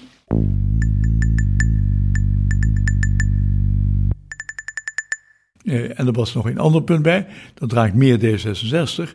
Op een goed ogenblik werd ook steeds gesteld, wij moeten alleen een meerderheid vormen. 871 en niet 772. Die twee Ministers. zijn voor D66. Ja, maar dat is opgelost. En dan was dus 7 PvdA en 2 D66 was ook een meerderheid. Maar er was te weinig vertrouwen in D66. Eh, dat zijn toch ontwikkelingen die mij wat afstand hebben laten nemen tot uh, de En dat, dat, zeer- dat ge- gedaalde vertrouwen vanuit de Partij van de Arbeid naar D66 kwam natuurlijk ook omdat eh, de, een van de grote animatoren richting het kabinet NL was Hans van Mierlo geweest. Maar die kreeg in zijn eigen fractie uiteindelijk niet voldoende steun meer. En die werd vervangen al vrij snel bij het begin van het kabinet NL door je- een nieuwkomer, Jan Terlouw. Ja, nou ja, vervangen. Eh, hij heeft een veel hogere prijs betaald door niet in het kabinet te komen. Hij had of binnenlandse zaken of buitenlandse zaken gewild. Binnenlandse zaken werd op zichzelf terecht aan de Guy Voortman gegeven. En Joop den Uyl wilde natuurlijk geen afstand nemen van Max van der Stoel. Eh, en toen werd hij dus als het ware de toezichthouder vanuit de Kamer. Omdat in de Kamer toch ook wel wat kritiek hier en daar was, Ja. is hij toen uiteindelijk afgetreden. Kijk, ik betreur dat zeer. Ik, ik vind dat uiteindelijk heb ik meegewerkt dat hij nog in een later kabinet, dat kabinet van Acht en Uyl, Terlouw minister van Defensie is geworden. Maar dat was eigenlijk toch eh, niet eh, waarop hij tien jaar eerder had mogen rekenen. Nou, er staat één ding tegenover, vind ik. Eh, ik vind dat een, leider van een politieke partij, hè, eh, de partijleider, hoort alleen maar in het kabinet te gaan zitten wanneer hij premier is. En hoort niet ook in het kabinet te gaan zitten op een andere positie. Als je nou naar dit huidige kabinet kijkt, er zitten dus partijleiders met elkaar erin. Er is dus geen enkel behoorlijk parlementair dualistisch tegenwicht. Want het zijn altijd de tweede en de derde personen in die partij die ook die niet het partij, de, het regeringsprogramma beoordelen, maar ook dan moeten kritisch moeten zijn ten opzichte van hun eigen partijleider. Hoe was dat toen? Want er was niet echt een regeerakkoord. Jullie zaten in het kabinet tot soms diep in de nacht eh, te bedenken wat de volgende stap zou zijn van het beleid. Wat veel en met opzet en bewust is overgelaten aan de besluitvorming in dat kabinet zelf. En dat ging dan uiteindelijk, zo'n besluit ging dan uiteindelijk naar de Kamer. Tegenwoordig is alles dichtgekit, maar dat was toen niet zo. Er werd, niks, er werd- er werd helemaal niks vastgetimmerd. Ah, dat was natuurlijk een minderheidskabinet. Eh, er waren wel gesprekken met de fractie, maar die fractie wilde zich echt nergens op vastleggen. Wat de Partij van de Arbeid betreft. De, de, het politieke debat ging gewoon door. En dat was natuurlijk ook het aardige van Dus, parlementaire dus na het debat in de ministerraad, dat heel lang had geduurd, Oh ja, ging het als het ware nog een keer voor de tweede keer helemaal door. politiek. Wat dacht je? In de tweede en dan ook nog in de eerste kamer. Ja, dat was, was zo leuk. Het was, dat was twee keer theater. In het kabinet ja, en vervolgens in Inhoudelijk, ja, wedstrijd, dat bedoel ik. Wedstrijd, Ja. hè? Ja, en dat, dat, en, maar dat werd ook, dat werd ook zo ervaren in de samenleving. Het parlement betekende wat. Hè? En ik wil daar staan door u aangesproken eh, te worden. Door die fractie van de progressieve partijen. En vragen, wat doet u telkens weer in de Kamer? Ehm, als er in het ook- parlement een belangrijke beslissing werd genomen na een maatschappelijk debat dat echt doorleefd was, dan accepteerde de samenleving dat uiteindelijk ook. Hè. Nu is het laatste woord gesproken. Eh, en ik heb dat bijvoorbeeld meegemaakt wanneer het ging om het debat over de drie van Breda. Hè. Dat was zo'n debat, maar ook over euthanasie. Die, en over abortus. Dat waren maatschappelijke debatten, die gingen heel diep. Ehm, dat kwam uiteindelijk in de Kamer. En dat was een hard debat in de Kamer, waardig altijd. Er kwam er een uitkomst die niet van tevoren vaststond. Op geen enkele manier. En het maatschappelijke debat was voorbij. Het was gebeurd. Het was beslist. Voorlopig, uiteraard. Hè. Dan kan tien jaar later kan het weer terugkomen. Dus het parlement heb ik altijd beschouwd als een, als een instelling in het Nederlandse politieke systeem dat een belangrijke functie had. Dat is tegenwoordig echt anders. Dan kan me voorstellen als je minister of staatssecretaris bent dat je denkt, tegenwoordig bijvoorbeeld, eh, fijn dat het al is dichtgetimmerd, want eh, dan hoef ik alleen nog misschien nog wat mensen van de oppositie erbij te halen. Ja, maar het is toch mijn eigen hartstikke mensen leuk als minister om in de Kamer ook te proberen de hele zaak eh, zover te krijgen dat ze het met je eens zijn. Het politieke debat is ook voor een bewindspersoon. Als je tenminste van debat houdt, je moet wel een sterke bewindspersoon zijn. Eh, het politieke debat in de Kamer is ontzettend prettig, is aangenaam, is, is, is, verrijkend. Het is toch een stuk van je vak ook? Exact, dat hoort, daar gebeurt het. Het gebeurt niet in de ministerraad, dat gebeurt in het parlement. Maar het is nu nog veel erger natuurlijk. Dat, eh, het kabinet timmert alles eh, op vrijdagmorgen simpel dicht. Het is allemaal voorgekookt. Eh, in de Kamer is, is het dus altijd een gelopen race in de huidige coalitie met die paar zetels die ze meer hebben. En zelfs nu ja, eh, gaat dat door, dat verkeerde eh, manier van politiek bedrijven in de Eerste Kamer. We hebben dinsdag dus de grootste sociaal-economische hervorming in Nederland na de oorlog, de pensioenwet. Ja. En Dat is los- bekend, hè? u bent een van de grote... ja, tegen Maar los, van, los nog van eh, GroenLinks en Partij van de Arbeid. Primair die coalitiepartijen. Ik heb dus veel contact met VVD, vooral CDA in de Eerste Kamer. Ze zitten vlak naast me, Jorritsma en Knapen. Er is geen millimeter beweging eh, bij de coalitie om daar eens goed over na te denken. En ze hebben dus vanuit de Tweede Kamer heel slim met een paar concessies GroenLinks en PvdA aan boord, waardoor dat eigenlijk, als ik ook het debat van Kronen Partij van de Arbeid hoorde, was de felste verdediger van deze wet. En dat zal de PvdA nog gaan bezuren, moet ik er even bij maar ik wil er toch iets anders over zeggen. Want ik ben het als geheel ermee eens dat die debatten minder plaatsvinden. Maar je kunt met die pensioenwet, of je nou voor of tegen bent, niet zeggen dat het zomaar in een achternamiddag gebeurd is. Ze zijn daar jaren mee bezig geweest. En dan is de conclusie, ja, er zijn... Nee, maar dat ontken ik niet. Ik, ik Nou zeg alleen maar maar dat... Goed, maar dat betekent dat er dus uiteindelijk wel een keer een conclusie moet Nee komen. maar, nee, maar luister eens. Dat kan het kabinet wel vinden, maar de Tweede Kamer heeft daar geen positie in. Want die moeten gewoon als stemvee doen wat in de coalitie besloten is. En dan is het in de Tweede twee- Kamer twee zo... dingen door elkaar, Dat, nee, wacht even. En dan is het in de Tweede Kamer zo dat daar geregeld wordt dat ook de Eerste Kamer buitenspel staat. En dat zullen we dinsdag zien. Nou, twee dingen bekijken. De inhoud van de pensioenwet, daar kan je over van mening verschillen. Hè? Maar ook over de manier waarop de besluitvorming plaatsvindt, die vastgetimmerd is. Dat is een ander. Daar heeft Martin het over, heeft hij gelijk in. Dat Maar het was is, ook toch wat zo, ik zei. het is toch zo al heel lang in Nederland dat de Tweede Kamer zelf de boel dicht timmert in de kabinetsformatie. Oh ja, ook nog. Parlementair. eh, was een de Kamer over. maakt zijn eigen fouten. Sterker nog, veel bewindslieden zijn tegenwoordig stakkers, want die moeten uitvoeren wat daar op papier staat. Ja, ja. En na drie maanden is dat regeerakkoord. Dat heeft u ook meegemaakt met uw af- afspraken met een oliecrisis en dergelijke. Is dan zo'n akkoord volledig verdampt, vergeld en irrelevant toch- gemaakt? Maar ik wil toch even terugkomen op een hele andere situatie nu. En eh, dat is dat er twintig fracties zijn. En je kunt, denk ik, niet überhaupt in de komende tijd een nieuw kabinet krijgen, ja, tenzij het post in de BBB door blijft gaan, met minder dan vijf, zes partijen. En vanzelfsprekend, omdat het allemaal partijen zijn die naar de kiezer moeten en hun eigen stemgeluid moeten laten horen. Maar meneer Brinkhorst, het kabinet Den Uyl was vijf partijen. Ja, maar, maar er ja. waren dus drie partijen die al een gezamenlijk akkoord hadden, plus die twee anderen, die uiteindelijk dachten, ja, maar op welke manier gaan we door? Ik vind niet dat de situatie van toen op dit Nee, punt... maar, maar goed, zo is het nou eenmaal, want dat is de kiezer die dat beslist. Maar dan moet een oplossing vinden en ik heb er eentje. Ehm, ga terug naar 72. Ga terug naar een situatie waarbij je komt met een, een kabinet dat bestaat uit meerdere partijen met hun eigen verhaal, maar wel een soort van gemeenschappelijk programma en gemeenschappelijke gezichten. Doe dat nu met Partij van de Arbeid, GroenLinks, D66, SP en Dierenpartij. Dan heb je een progressief akkoord. Ik hoor u niet denken zeggen. Dan heb je een progressief SP en Dierenpartij. Ja?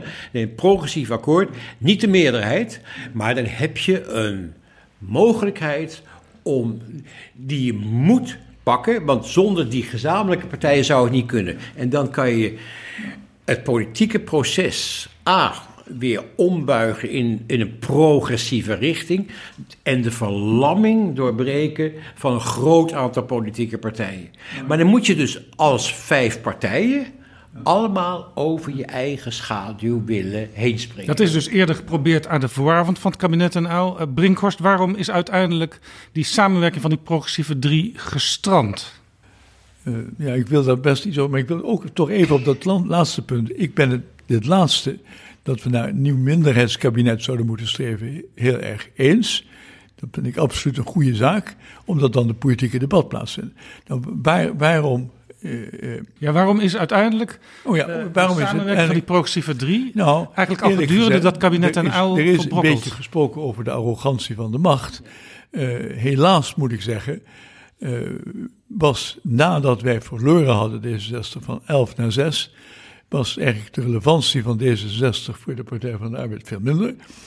En de afspraak dat we zouden gaan naar een progressieve volkspartij, wat mijn enorme voorkeur had, want ik vind dat in dit soort van land moet je gewoon grotere partijen hebben, werd daarmee niet verwezenlijkt. De Partij van de Arbeid zei toen, we nemen de afscheid van, eigenlijk zijn wij al de progressieve volkspartij, let it go. En de PPR hebben we niet nodig, die gingen ook terug naar beneden en wij gingen terug. En vanaf dat moment ja, heb ik toch een grotere afstand gevoeld ten opzichte van de Partij van de Arbeid. Klopt. Partij van de Arbeid is altijd arrogant geweest. Ja. Dit, dit vind ik interessant, eh Laurens Brinkhorst, want van u is ook bekend dat toen er voor het eerst rechtstreeks Europese verkiezingen waren in 1979, eh, dat u en Hans van Mierlo allebei wel voelden misschien om lijsttrekker te worden bij die verkiezingen. Maar eh, Van Mierlo had het idee, dan ga ik maar aansluiten in het parlement bij de Sociaaldemocraten. En u zei nee, we moeten bij de Liberalen. Uiteindelijk bent u het geen van beiden geworden. En is er iemand anders gekomen die voorlopig bij de niet ingeschrevenen ging zitten. Nee, dat is een volgens- goede, goede Maar u, u was liberaal toen, Nee, maar u, bent, u was ook voor de Progressieve Volkspartij en nu weer. Dus dat vind ik interessant. Ja, kijk, omdat die progressieve volkspartij in 73, 74 niet meer mogelijk was, was toen vervolgens nog eigenlijk maar twee keuzes voor D66. Ofwel we gaan naar een socialistische fractie, of we gaan zelfstandig apart, maar dat is ook in het Europees Parlement geen interessante positie. Of de derde mogelijkheid, we gaan naar een liberale fractie. Eh, nou, daar was tussen Hans van Mierlo en mij een verschil van mening in. We waren het eens over het belang van Europa, maar we waren het niet eens over de koers die we moesten varen. Als we een progressieve volkspartij hadden gehad, ja, dan had ik een andere positie ingenomen. En toen heeft de, fractie gezegd, nou ja, als jullie beiden niet ingaan, dan blijf jij gewoon in de Tweede Kamer. En Hans van gaat wat anders doen, wat hij al op dat ogenblik deed. Maar dat was niet een enorm politiek geschil dat ons op dat moment tot het bot verdeelde. Een, een voorbeeld over die samenwerking. Ik merk al bij de pensioenen nu dat de Partij van de Arbeid een felle verdediger is. Met, eh, met name nu Kronen. Ik maak het eh, vorige week mee en ook dinsdag. Maar dat de SP mordicus tegen is. En, en SP en 50PLUS en uh, Tini Cox en ik. Maar ook in de Eerste, Tweede Kamer was dat zo de grootste...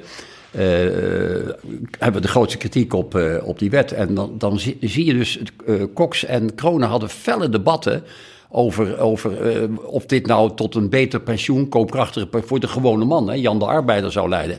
Ik heb er fascinerend naar zitten kijken. Uiteindelijk heb ik steeds Tini Cox gesteund, omdat ik, ik eigenlijk niet begrijp wat de Partij van de Arbeid niet in de gaten heeft. Dat dit voor de massa tot een heel slecht pensioen kan leiden. Met andere maar het is woorden, Jan Pronk- onwrikbaar, want ze zitten vast aan de FNV. Jan Pronk, illustratie uit de huidige praktijk, uit de Eerste Kamer. Eh, hieruit blijkt dat eh, zo breed als u een progressieve samenwerking wil, dat dat gewoon niet gaat. Ja, kijk, nogmaals. A, wat ik zo even ook zei, je moet onderscheid maken tussen eh, meningsverschillen over een bepaald onderwerp en de manier waarop je politiek bedrijft. Hè? En dit is een ander voorbeeld, dat is dan de pensioenwet. Op wat die pensioenwet betreft mag je wel weten dat ik het totaal met eh, Martin eens ben. Ik vind de Partij van Arbeid het een totaal verkeerde visie uitdragen. Eh, samengevat, eh, het is nu gebaseerd op speculatieve kapitaalontwikkeling. En het is geïndividualiseerd, terwijl het collectief zou moeten zijn. Dus wat En heeft solidair gelijk. Ja. En, en is dus strijdig met, vind ik, met Partij van de Arbeid solidariteitsoverwegingen. Dus Tini Cox heeft gelijk en Fred Konen heeft ongelijk. Nou, betekent dat dat je het niet met elkaar eens zou kunnen worden over een gemeenschappelijk programma, waarbij je ook best verschillen eh, mag hebben, zoals ik dan aangaf, hè, in een gemeenschappelijk programma tussen progressieve partijen, want al die vijf partijen die ik noemde, dat zijn progressieve partijen die Nederland in een progressieve richting willen eh, sturen. Dat moet kunnen. Ook als er over bepaalde hoofdonderwerpen toch nog verschil van opvatting is. Als je altijd laat verlammen door verschil van opvatting over een bepaald onderwerp, dan kom je daar nooit. Vind ik toch heel interessant, want u bent zelf een jaar of tien geleden uit de Partij van de Arbeid gestapt. Dat is toch eigenlijk in strijd, die handeling van u persoonlijk is in strijd met wat u nu zegt. Want u zegt, je moet in de groep blijven, ook al ben je het niet altijd met elkaar eens. Ja, ik ben heel lang in de groep gebleven. Eh, heel lang, eh, 49 jaar en 7 maanden. En, eh, ik vind dat de Partij 50. van de Arbeid, kijk, dat is wat anders dan politiek bedrijf. Je bent- je bent lid of je bent geen lid. Ehm, de Partij van de Arbeid heeft naar mijn mening eh, strijdig zich opgesteld met de be- basisbeginselen van internationale solidariteit. Eh, vluchtelingen werden als criminelen beschouwd. Dat is echt waar. En internationale solidariteit, hulpverlening, die de Partij van de Arbeid, daar was ik dus heel sterk bij betrokken in de jaren 70, naar een internationale rechtsnorm heeft weten te verheven, is door de Partij van de Arbeid bij het oud vuil neergezet. Nou, dat vond ik zo'n, eh, zo strijdig met basiswaarden van de socialistische beweging, dat ik gezegd heb, het is, ja, ik, ik hoor daar niet meer thuis. Het is niet meer mijn thuis. Maar u wilt, er wel, Maar ik- u wilt wel met politiek. en met groene partijen Oh ja, er één club die- van maken. Als die vijf partijen samen gaan, gaan, eh, gaan regeren, dan ben ik daar een groot voorstander van.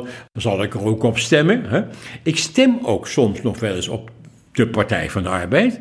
Eh, eh, dat, maar ik ben, ik ben daar, het is niet meer mijn huis. Maar Martin van Rooij, u bent ook niet meer lid van de Katholieke, Volkspartij, die later het CDA werd. Ik eh, ben eh, een paar jaar geleden ben ik eh, lid, uiteraard van 50PLUS en heb toen... eh, U bent zelfs de partijleider de facto. Ja, ja. Maar ja, ik heb natuurlijk nog steeds een heel erg CDA-gedachtegoed ook in mijn hoofd. Maar ik zou voor het CDA naar de Eerste Kamer gaan. Hille Klink en Ruding hadden gezegd... er moet een financiële, fiscale man in. Want de, de man die er zat moest, ging weg. En toen eh, ben ik voorgedragen en dat kwam er niet van... omdat men eh, al de post beloofd had aan Marnix van Rij. Ik vermoedde dat al, want die liep al een tijdje warm... Eh, en ze hebben mij ook in de procedure niet ontvangen. Carla Pijs heeft mij niet ontvangen. En op een gegeven moment krijg ik een telefoontje van de partijvoorzitter. U bent te oud, woont in de verkeerde provincie en we hebben iemand anders. En, en Jan Nagel, die zag mij alsmaar lobbyen en die zei, dan moet je bij mij komen. Ik zei, dat kun je vergeten Jan, ik ben al 50 jaar lid van het CDA, dat gaat niet gebeuren. Maar toen dacht ik, ik was al acht jaar aan het lobbyen voor de gepensioneerden. Ik kan beter dan met, toch uiteindelijk eh, in de Eerste Kamer gaan zitten. Want dan kan ik echt iets voor de ouderen bereiken. En dat is ook gelukt. Kijk naar de koppeling van de AOW vorig jaar. Kost 3 miljard. Binnengehaald. Laurens-Jan Brinkels, heeft u wel eens overwogen om D66 te verlaten? Ik, eh, ik ben bij de oprichting, ik zei, ik ben geen oprichter, ik ben de oprichting lid geworden. Natuurlijk zijn er wel eens punten waar je het mee eens of niet mee eens bent, dat zou raar zijn.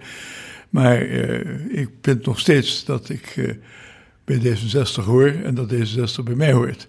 En daarmee geef ik geen oordeel over standpunten van anderen. Maar ja, mijn partij is een sociaal-liberale partij en dat is D66. Af en toe hoor je in betrouwbare bronnen een advertentie, maar vaak ook niet. En dat is jammer, want we hebben graag meer adverteerders. Want ook daarmee houden we betrouwbare bronnen online. En als jij nou werkt bij een organisatie of een bedrijf waarvoor het misschien best nuttig kan zijn om bij ons te adverteren, neem dan contact op. En je bereikt via betrouwbare bronnen heel veel jonge mensen met grote maatschappelijke politieke belangstelling. En natuurlijk de decision makers van Nederland en in Brussel. Stuur een mailtje aan adverteren.dagenacht.nl en dan neemt de reclameafdeling van Betrouwbare Bronnen, ja ja, neemt dan contact met je op. Adverteren,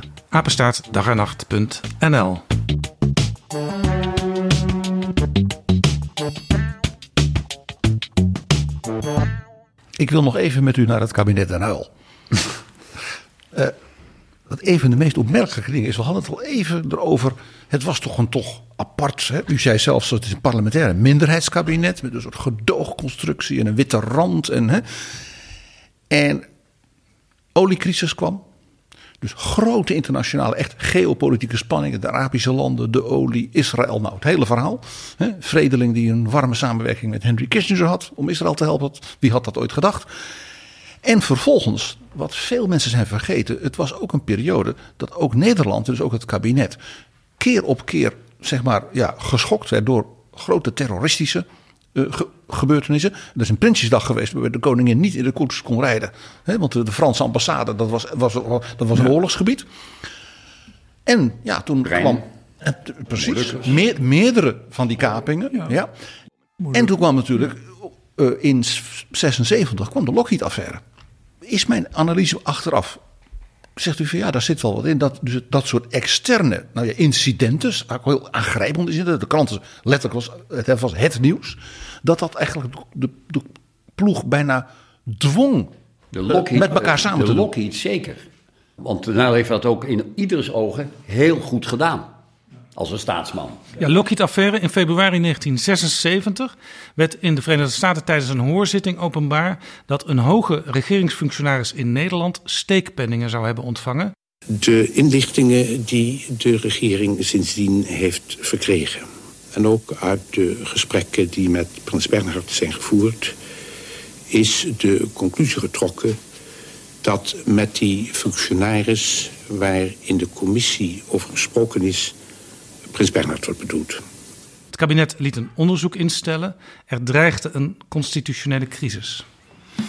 Ja, en die crisis, die, hè, dit is er een van, die zijn door het kabinet gemanaged. En ik geloof goed gemanaged naar de opvatting van de mensen op straat. En, en dat betekende dat men vertrouwen had in dat kabinet. Eh, Dat ligt aan een aantal personen. Uh, Den Uyl deed dat goed. De Guy Fortman speelde bij al die crises ook een, eh, een belangrijke rol. Van acht ook, eerlijk gezegd. Dus het werd dus ook echt een, een team. Uh, die, de manier waarop wij door crisis werden uh, benaderd, uh, dat was riskant, bepaald. begonnen met die oliecrisis, maar we zijn er doorheen gekomen door goed beleid, goed management. en het ook op een duidelijke manier uitleggen aan, aan de samenleving.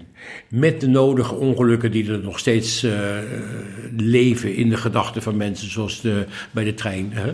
Ja, want dat is natuurlijk lastig uit te leggen, want je kunt niet elke ochtend en elke middag een persconferentie geven tijdens zo'n kaping. En je moet ook veel gewoon verzwijgen. Er werd niet zoveel verzwegen. Uh, je, kijk, er werd niet getwitterd, dat bestond niet. Ik geloof dat men goed in de gaten had in Nederland waar het kabinet mee bezig was. Uh, dat ik heb nooit het gevoel gehad dat, dat het allemaal geheim was. Binnen het kabinet werd het management overgelaten aan een groep aan wie het werd gedelegeerd. En die legde verantwoording af. Hoe ging dat met, het, met, met de Lockheed-affaire? Want ik heb begrepen dat Den Uyl natuurlijk bevreesd was dat daar nou ja, geruchten en gedoe, ook niet alleen vanuit Den Haag, maar ook vanuit Soesdijk, de zaak zouden gaan, gaan sturen. En dat hij de greep kwijt was. En dat hij daarom inderdaad met Van Acht, met De Gaai en ook met Max van der Stoel vanwege het internationale in feite een soort crisisteam had. Deden die verslagen in de minister? Dat is heel financiën, de commissie. Uh, ja. Nee, maar dat is heel logisch dat je als zo'n soort van crisis bent, dat je dat niet in de openbaarheid gaat bediscussiëren.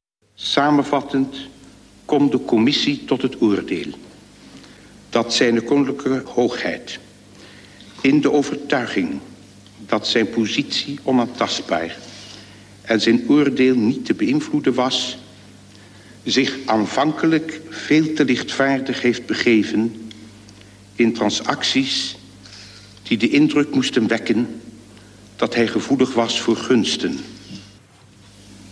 Ten slotte heeft hij zich laten verleiden tot het nemen van initiatieven die volstrekt onaanvaardbaar waren en die hemzelf en het Nederlandse aanschaffingsbeleid bij Lockheed en, zo moet er thans aan worden toegevoegd, ook bij anderen in een bedenkelijk daglicht moesten stellen.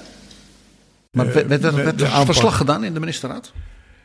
Eh, niet, niet iedere keer in de loop van het proces. Nee. Je, en dat, dat, dat deed Kok ook niet bij het eh, huwelijk eh, van de koning met de prins destijds met, met Maxima. Het wordt gedelegeerd. Hij praat erover met enkele, maar met heel weinig personen. En hij heeft het vertrouwen van de rest dat het goed zal worden aangepakt overeenkomstig een aantal basisrichtlijnen die zijn meegegeven. De regering heeft ten slotte overwogen dat het openen van een, naar verwachting zeer langdurig, strafrechtelijk onderzoek en vooral het instellen van een vervolging ernstige gevolgen zou kunnen hebben voor de positie van het staatshoofd. Eh, Den Uyl heeft het, heeft het Koningshuis gered en Kok heeft het ook gedaan. Ja, ik vind dit een heel mooi voorbeeld. Daar zijn we het helemaal 100% over eens. Waarom het toch ook voor ons allemaal een bijzonder kabinet blijft, want ondanks mijn kritiek hier en daar is dat ook mijn opvatting, is dat wij vorm gaven aan de veranderingen die in de Europese samenleving in de jaren 60 plaatsvonden. De eerste twintig jaar na de oorlog was als het herstel van de economie. Maar alle ontwikkelingen, cultureel, maar ook, ook psychologisch, eh, de plaats van jongeren, de plaats van vrouwen, daar werd vorm in gegeven. Eerst in, dat, in het Nieuw Links, maar uiteindelijk in het kabinet waar we in zaten. Dus eh, als ik de drie kabinetten waar ik in gezeten heb bekijk, die ieder van een verschillende samenstelling waren. En allemaal van een andere toch- premier ook. Ja, ja. Maar dan is toch voor mij het, het kabinet Den Uyl het meest bijzondere waar ik in gezeten heb. Ook al was ik daar geen minister. Waar ik moeite mee heb over dat kabinet dat Rutte steeds weer als hij in nood komt het vege lijf probeert te redden. Door te zeggen, ja, eh, dat kabinet daarna dat was zo links. Het was de tijd van het kabinet Den Uyl. Het was midden jaren 70, de laatste keer dat er een echt links kabinet in Nederland aan de macht was. En in 1977 stond Nederland aan de rand van de afgrond. En ik heb het hem al een paar keer uitgelegd dat het financieringstekort aan het eind van het kabinet Uyl 5,5% was. En toen het kabinet van Acht Wiegel wegging, was het 11. En die hadden nog 4% gasbaten cadeau gehad, was eigenlijk 15. Dat zeg ik altijd maar, links regeert rechts en rechts regeert links. Toen het kabinet Uyl aantrad, toen citeerde Den Uyl uit de Heilige Schrift. Waar visie ontbreekt, komt het volk om.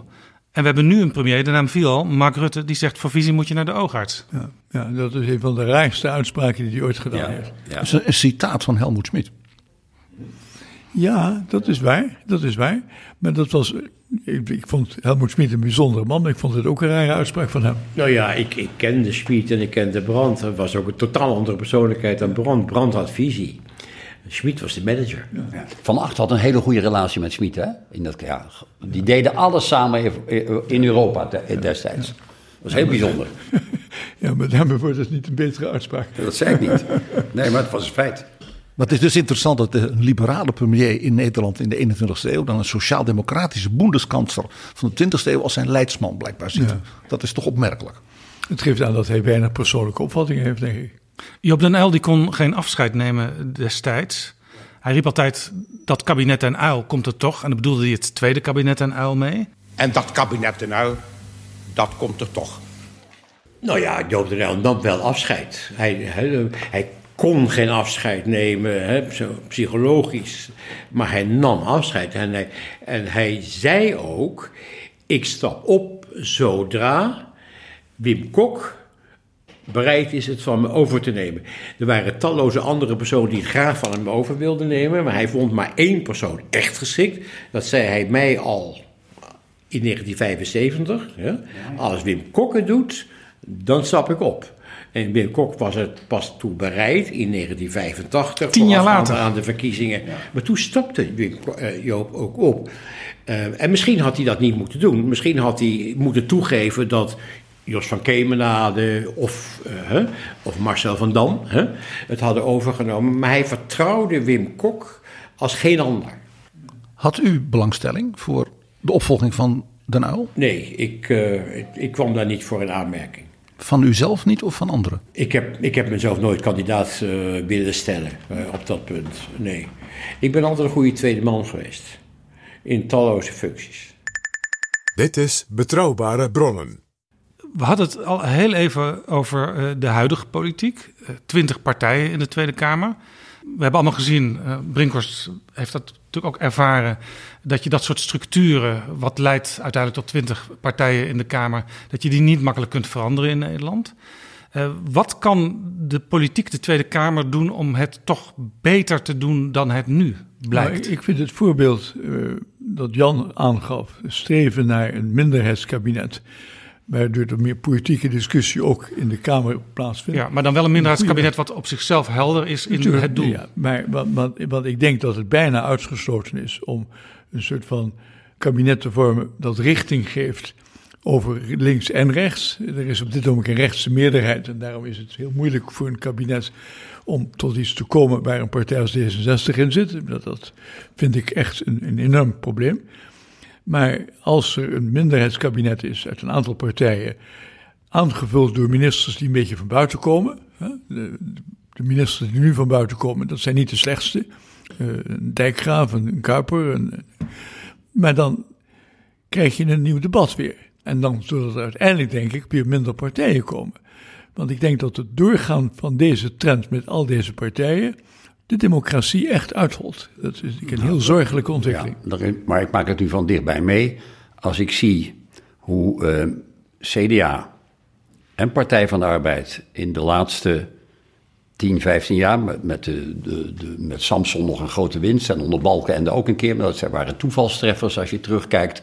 Die neergang van die twee grote volkspartijen heeft ertoe geleid dat aan de randen links en rechts van alles eh, nu rondloopt. Zoals En- u met 50 plus. ja, maar, ja, ja, maar luister, ik had in het CDA die rol willen vervullen. Eh, maar goed, eh, luister eens, eh 50PLUS is niet opgericht om, om te blijven bestaan. Als er morgen een, fusie zou kunnen komen tussen CDA en 50PLUS... die staan namelijk politiek precies op de middenstip. Als je in al die vierkantjes kijkt, hè... Nou, dan ben je alweer een stap verder. Wij- Samen met de BBB? Nee, dat, dat, eh, dat doe je pas als je nee, nee, 85 nee, nee. bent. Maar wat ik wilde zeggen, de neergang van CDA en Partij van de Arbeid is, daar is nog geen eind aan. Ik zie, ik zie het CDA stonden op vijf zetels dinsdag en Partij van de Arbeid dan wat Wat meer. is de verklaring CDA op voor het- vijf zetels, dat is is de het einde van de de- partij. Wat is de verklaring voor de neergang van die twee grote volkspartijen? Nou, voor het CDA is het heel simpel. Het CDA heeft eerst zijn boeren verloren. Vervolgens nu de ouderen, de gepensioneerden. Ik krijg zoveel mails van mensen die allemaal zeggen... meneer Van Rooyen, u bent nog eigenlijk van het CDA, hè? Zo zien ze mij ook. Waarom steunt het CDA u niet in de Eerste Kamer? En ik weet van de fractie, Eerste Kamerfractie, mag er verder niks over vertellen... Ja, die hebben de opdracht van Hoekstra en van Heerma... maar vooral van Hoekstra, die er overigens nooit is... eh, in het hok blijven in het hok blijven. En Akela Jorisma heeft de opdracht van Rutte, dinsdag voorstemmen, slagorde. Dus dat wordt een vertoning Dus je, dinsdagnacht. eh, je, je, eh, het gaat mis als je je eigen achterban, mensen die echt zich verwant voelen met die Precies, stroming, als je die van je precies. vervreemdt. Exact. Ja. Ik, eh, ja. Max Milliken, Max, Max Milliken, Dat laat ik voor hun rekening. de, de, de Labour-politicus, heeft een keer een redenvoering gehouden... waarin hij de antwoord probeerde te geven op de vraag... eh, eh, why did the electorate lose us? En ik werd uitgenodigd om een eh, groot tegenreferaat te houden. En ik heb gezegd, het zijn allemaal hele verstandige antwoorden op die vraag, maar de vraag is verkeerd. Why did we lose the electorate? We hebben ze laten lopen. Eh, we hebben ons niet, zij herkennen zich niet meer in ons, ze hebben ze van ons afgestoten. En ik geloof dat heel veel middenpartijen, niet alleen de Partij van de Arbeid, maar heel veel middenpartijen dat hebben gedaan. Hè? En daardoor gaan mensen naar belangengroepen, hè? Eh, naar de rand. Hè? En niet meer naar een beweging die een totaal verhaal Ja, toch zijn er nu ook mensen in de Partij van de Arbeid die bang zijn voor een samengaan met GroenLinks. Ja, dat geloof ik, dat zie ik wel. Ik vind het dom. Ja? Want kijk, politiek is ook macht. En wanneer je niet, bijvoorbeeld met die vijf die ik net noemde, probeert samen hè, macht uit te oefenen nadat je over je eigen schaduw bent heen gesprongen, dan ben je met niks bezig. Dan is het lucht en dan blijft het lucht. Ik moet nog zien hoe dat in de Eerste Kamer gaat. Dat de Partij van de Arbeid onder het juk van GroenLinks en Rozenmuller... in het college van senior is de Partij van de Arbeid voor het eerst in een eeuw niet aanwezig. Want daar zit Rozenmuller en Meili Vos niet meer. Ik probeer me dat dus voor te stellen dat ik daar over drie weken zit. Er zit niemand meer van de Partij van de Arbeid. Ja, ze, sp- ze springt dus over haar eigen schaduw heen, dat is goed. Ja, ja. Ik weet niet of de achterman dat zo vindt. Kijk, politiek is geen spelletje. Hè? Het gaat om, eh, om hele grote belangen van, van mensen en zaken in ons land en in de wereld. En eh, ja, er is, naar de ervaring van erg veel mensen in ons land... is er misschien wel voor het eerst, in de eerste plaats... gekeken naar de mensen die, die het niet zo best hebben... hè, in, in achterstandssituaties. En dat heeft het losgemaakt. En dat is gebleken bij de verkiezingen. Dat heeft eh, iets, iets aan trillen gebracht. En als er zoiets beweegt in de samenleving... dat gaat niet dood. Dat blij- blijft bestaan. En dan zeg ik... dus dat tweede kabinet nou, dat komt er toch. Mag ik u hartelijk danken, alle drie, voor dit gesprek. Dat tweede kabinet en uil, dat kwam er niet. Maar uit dit gesprek is wel gebleken dat eerste kabinet, dat is er zeker geweest. En dat heeft zijn sporen achtergelaten. Dank. We zijn er nog.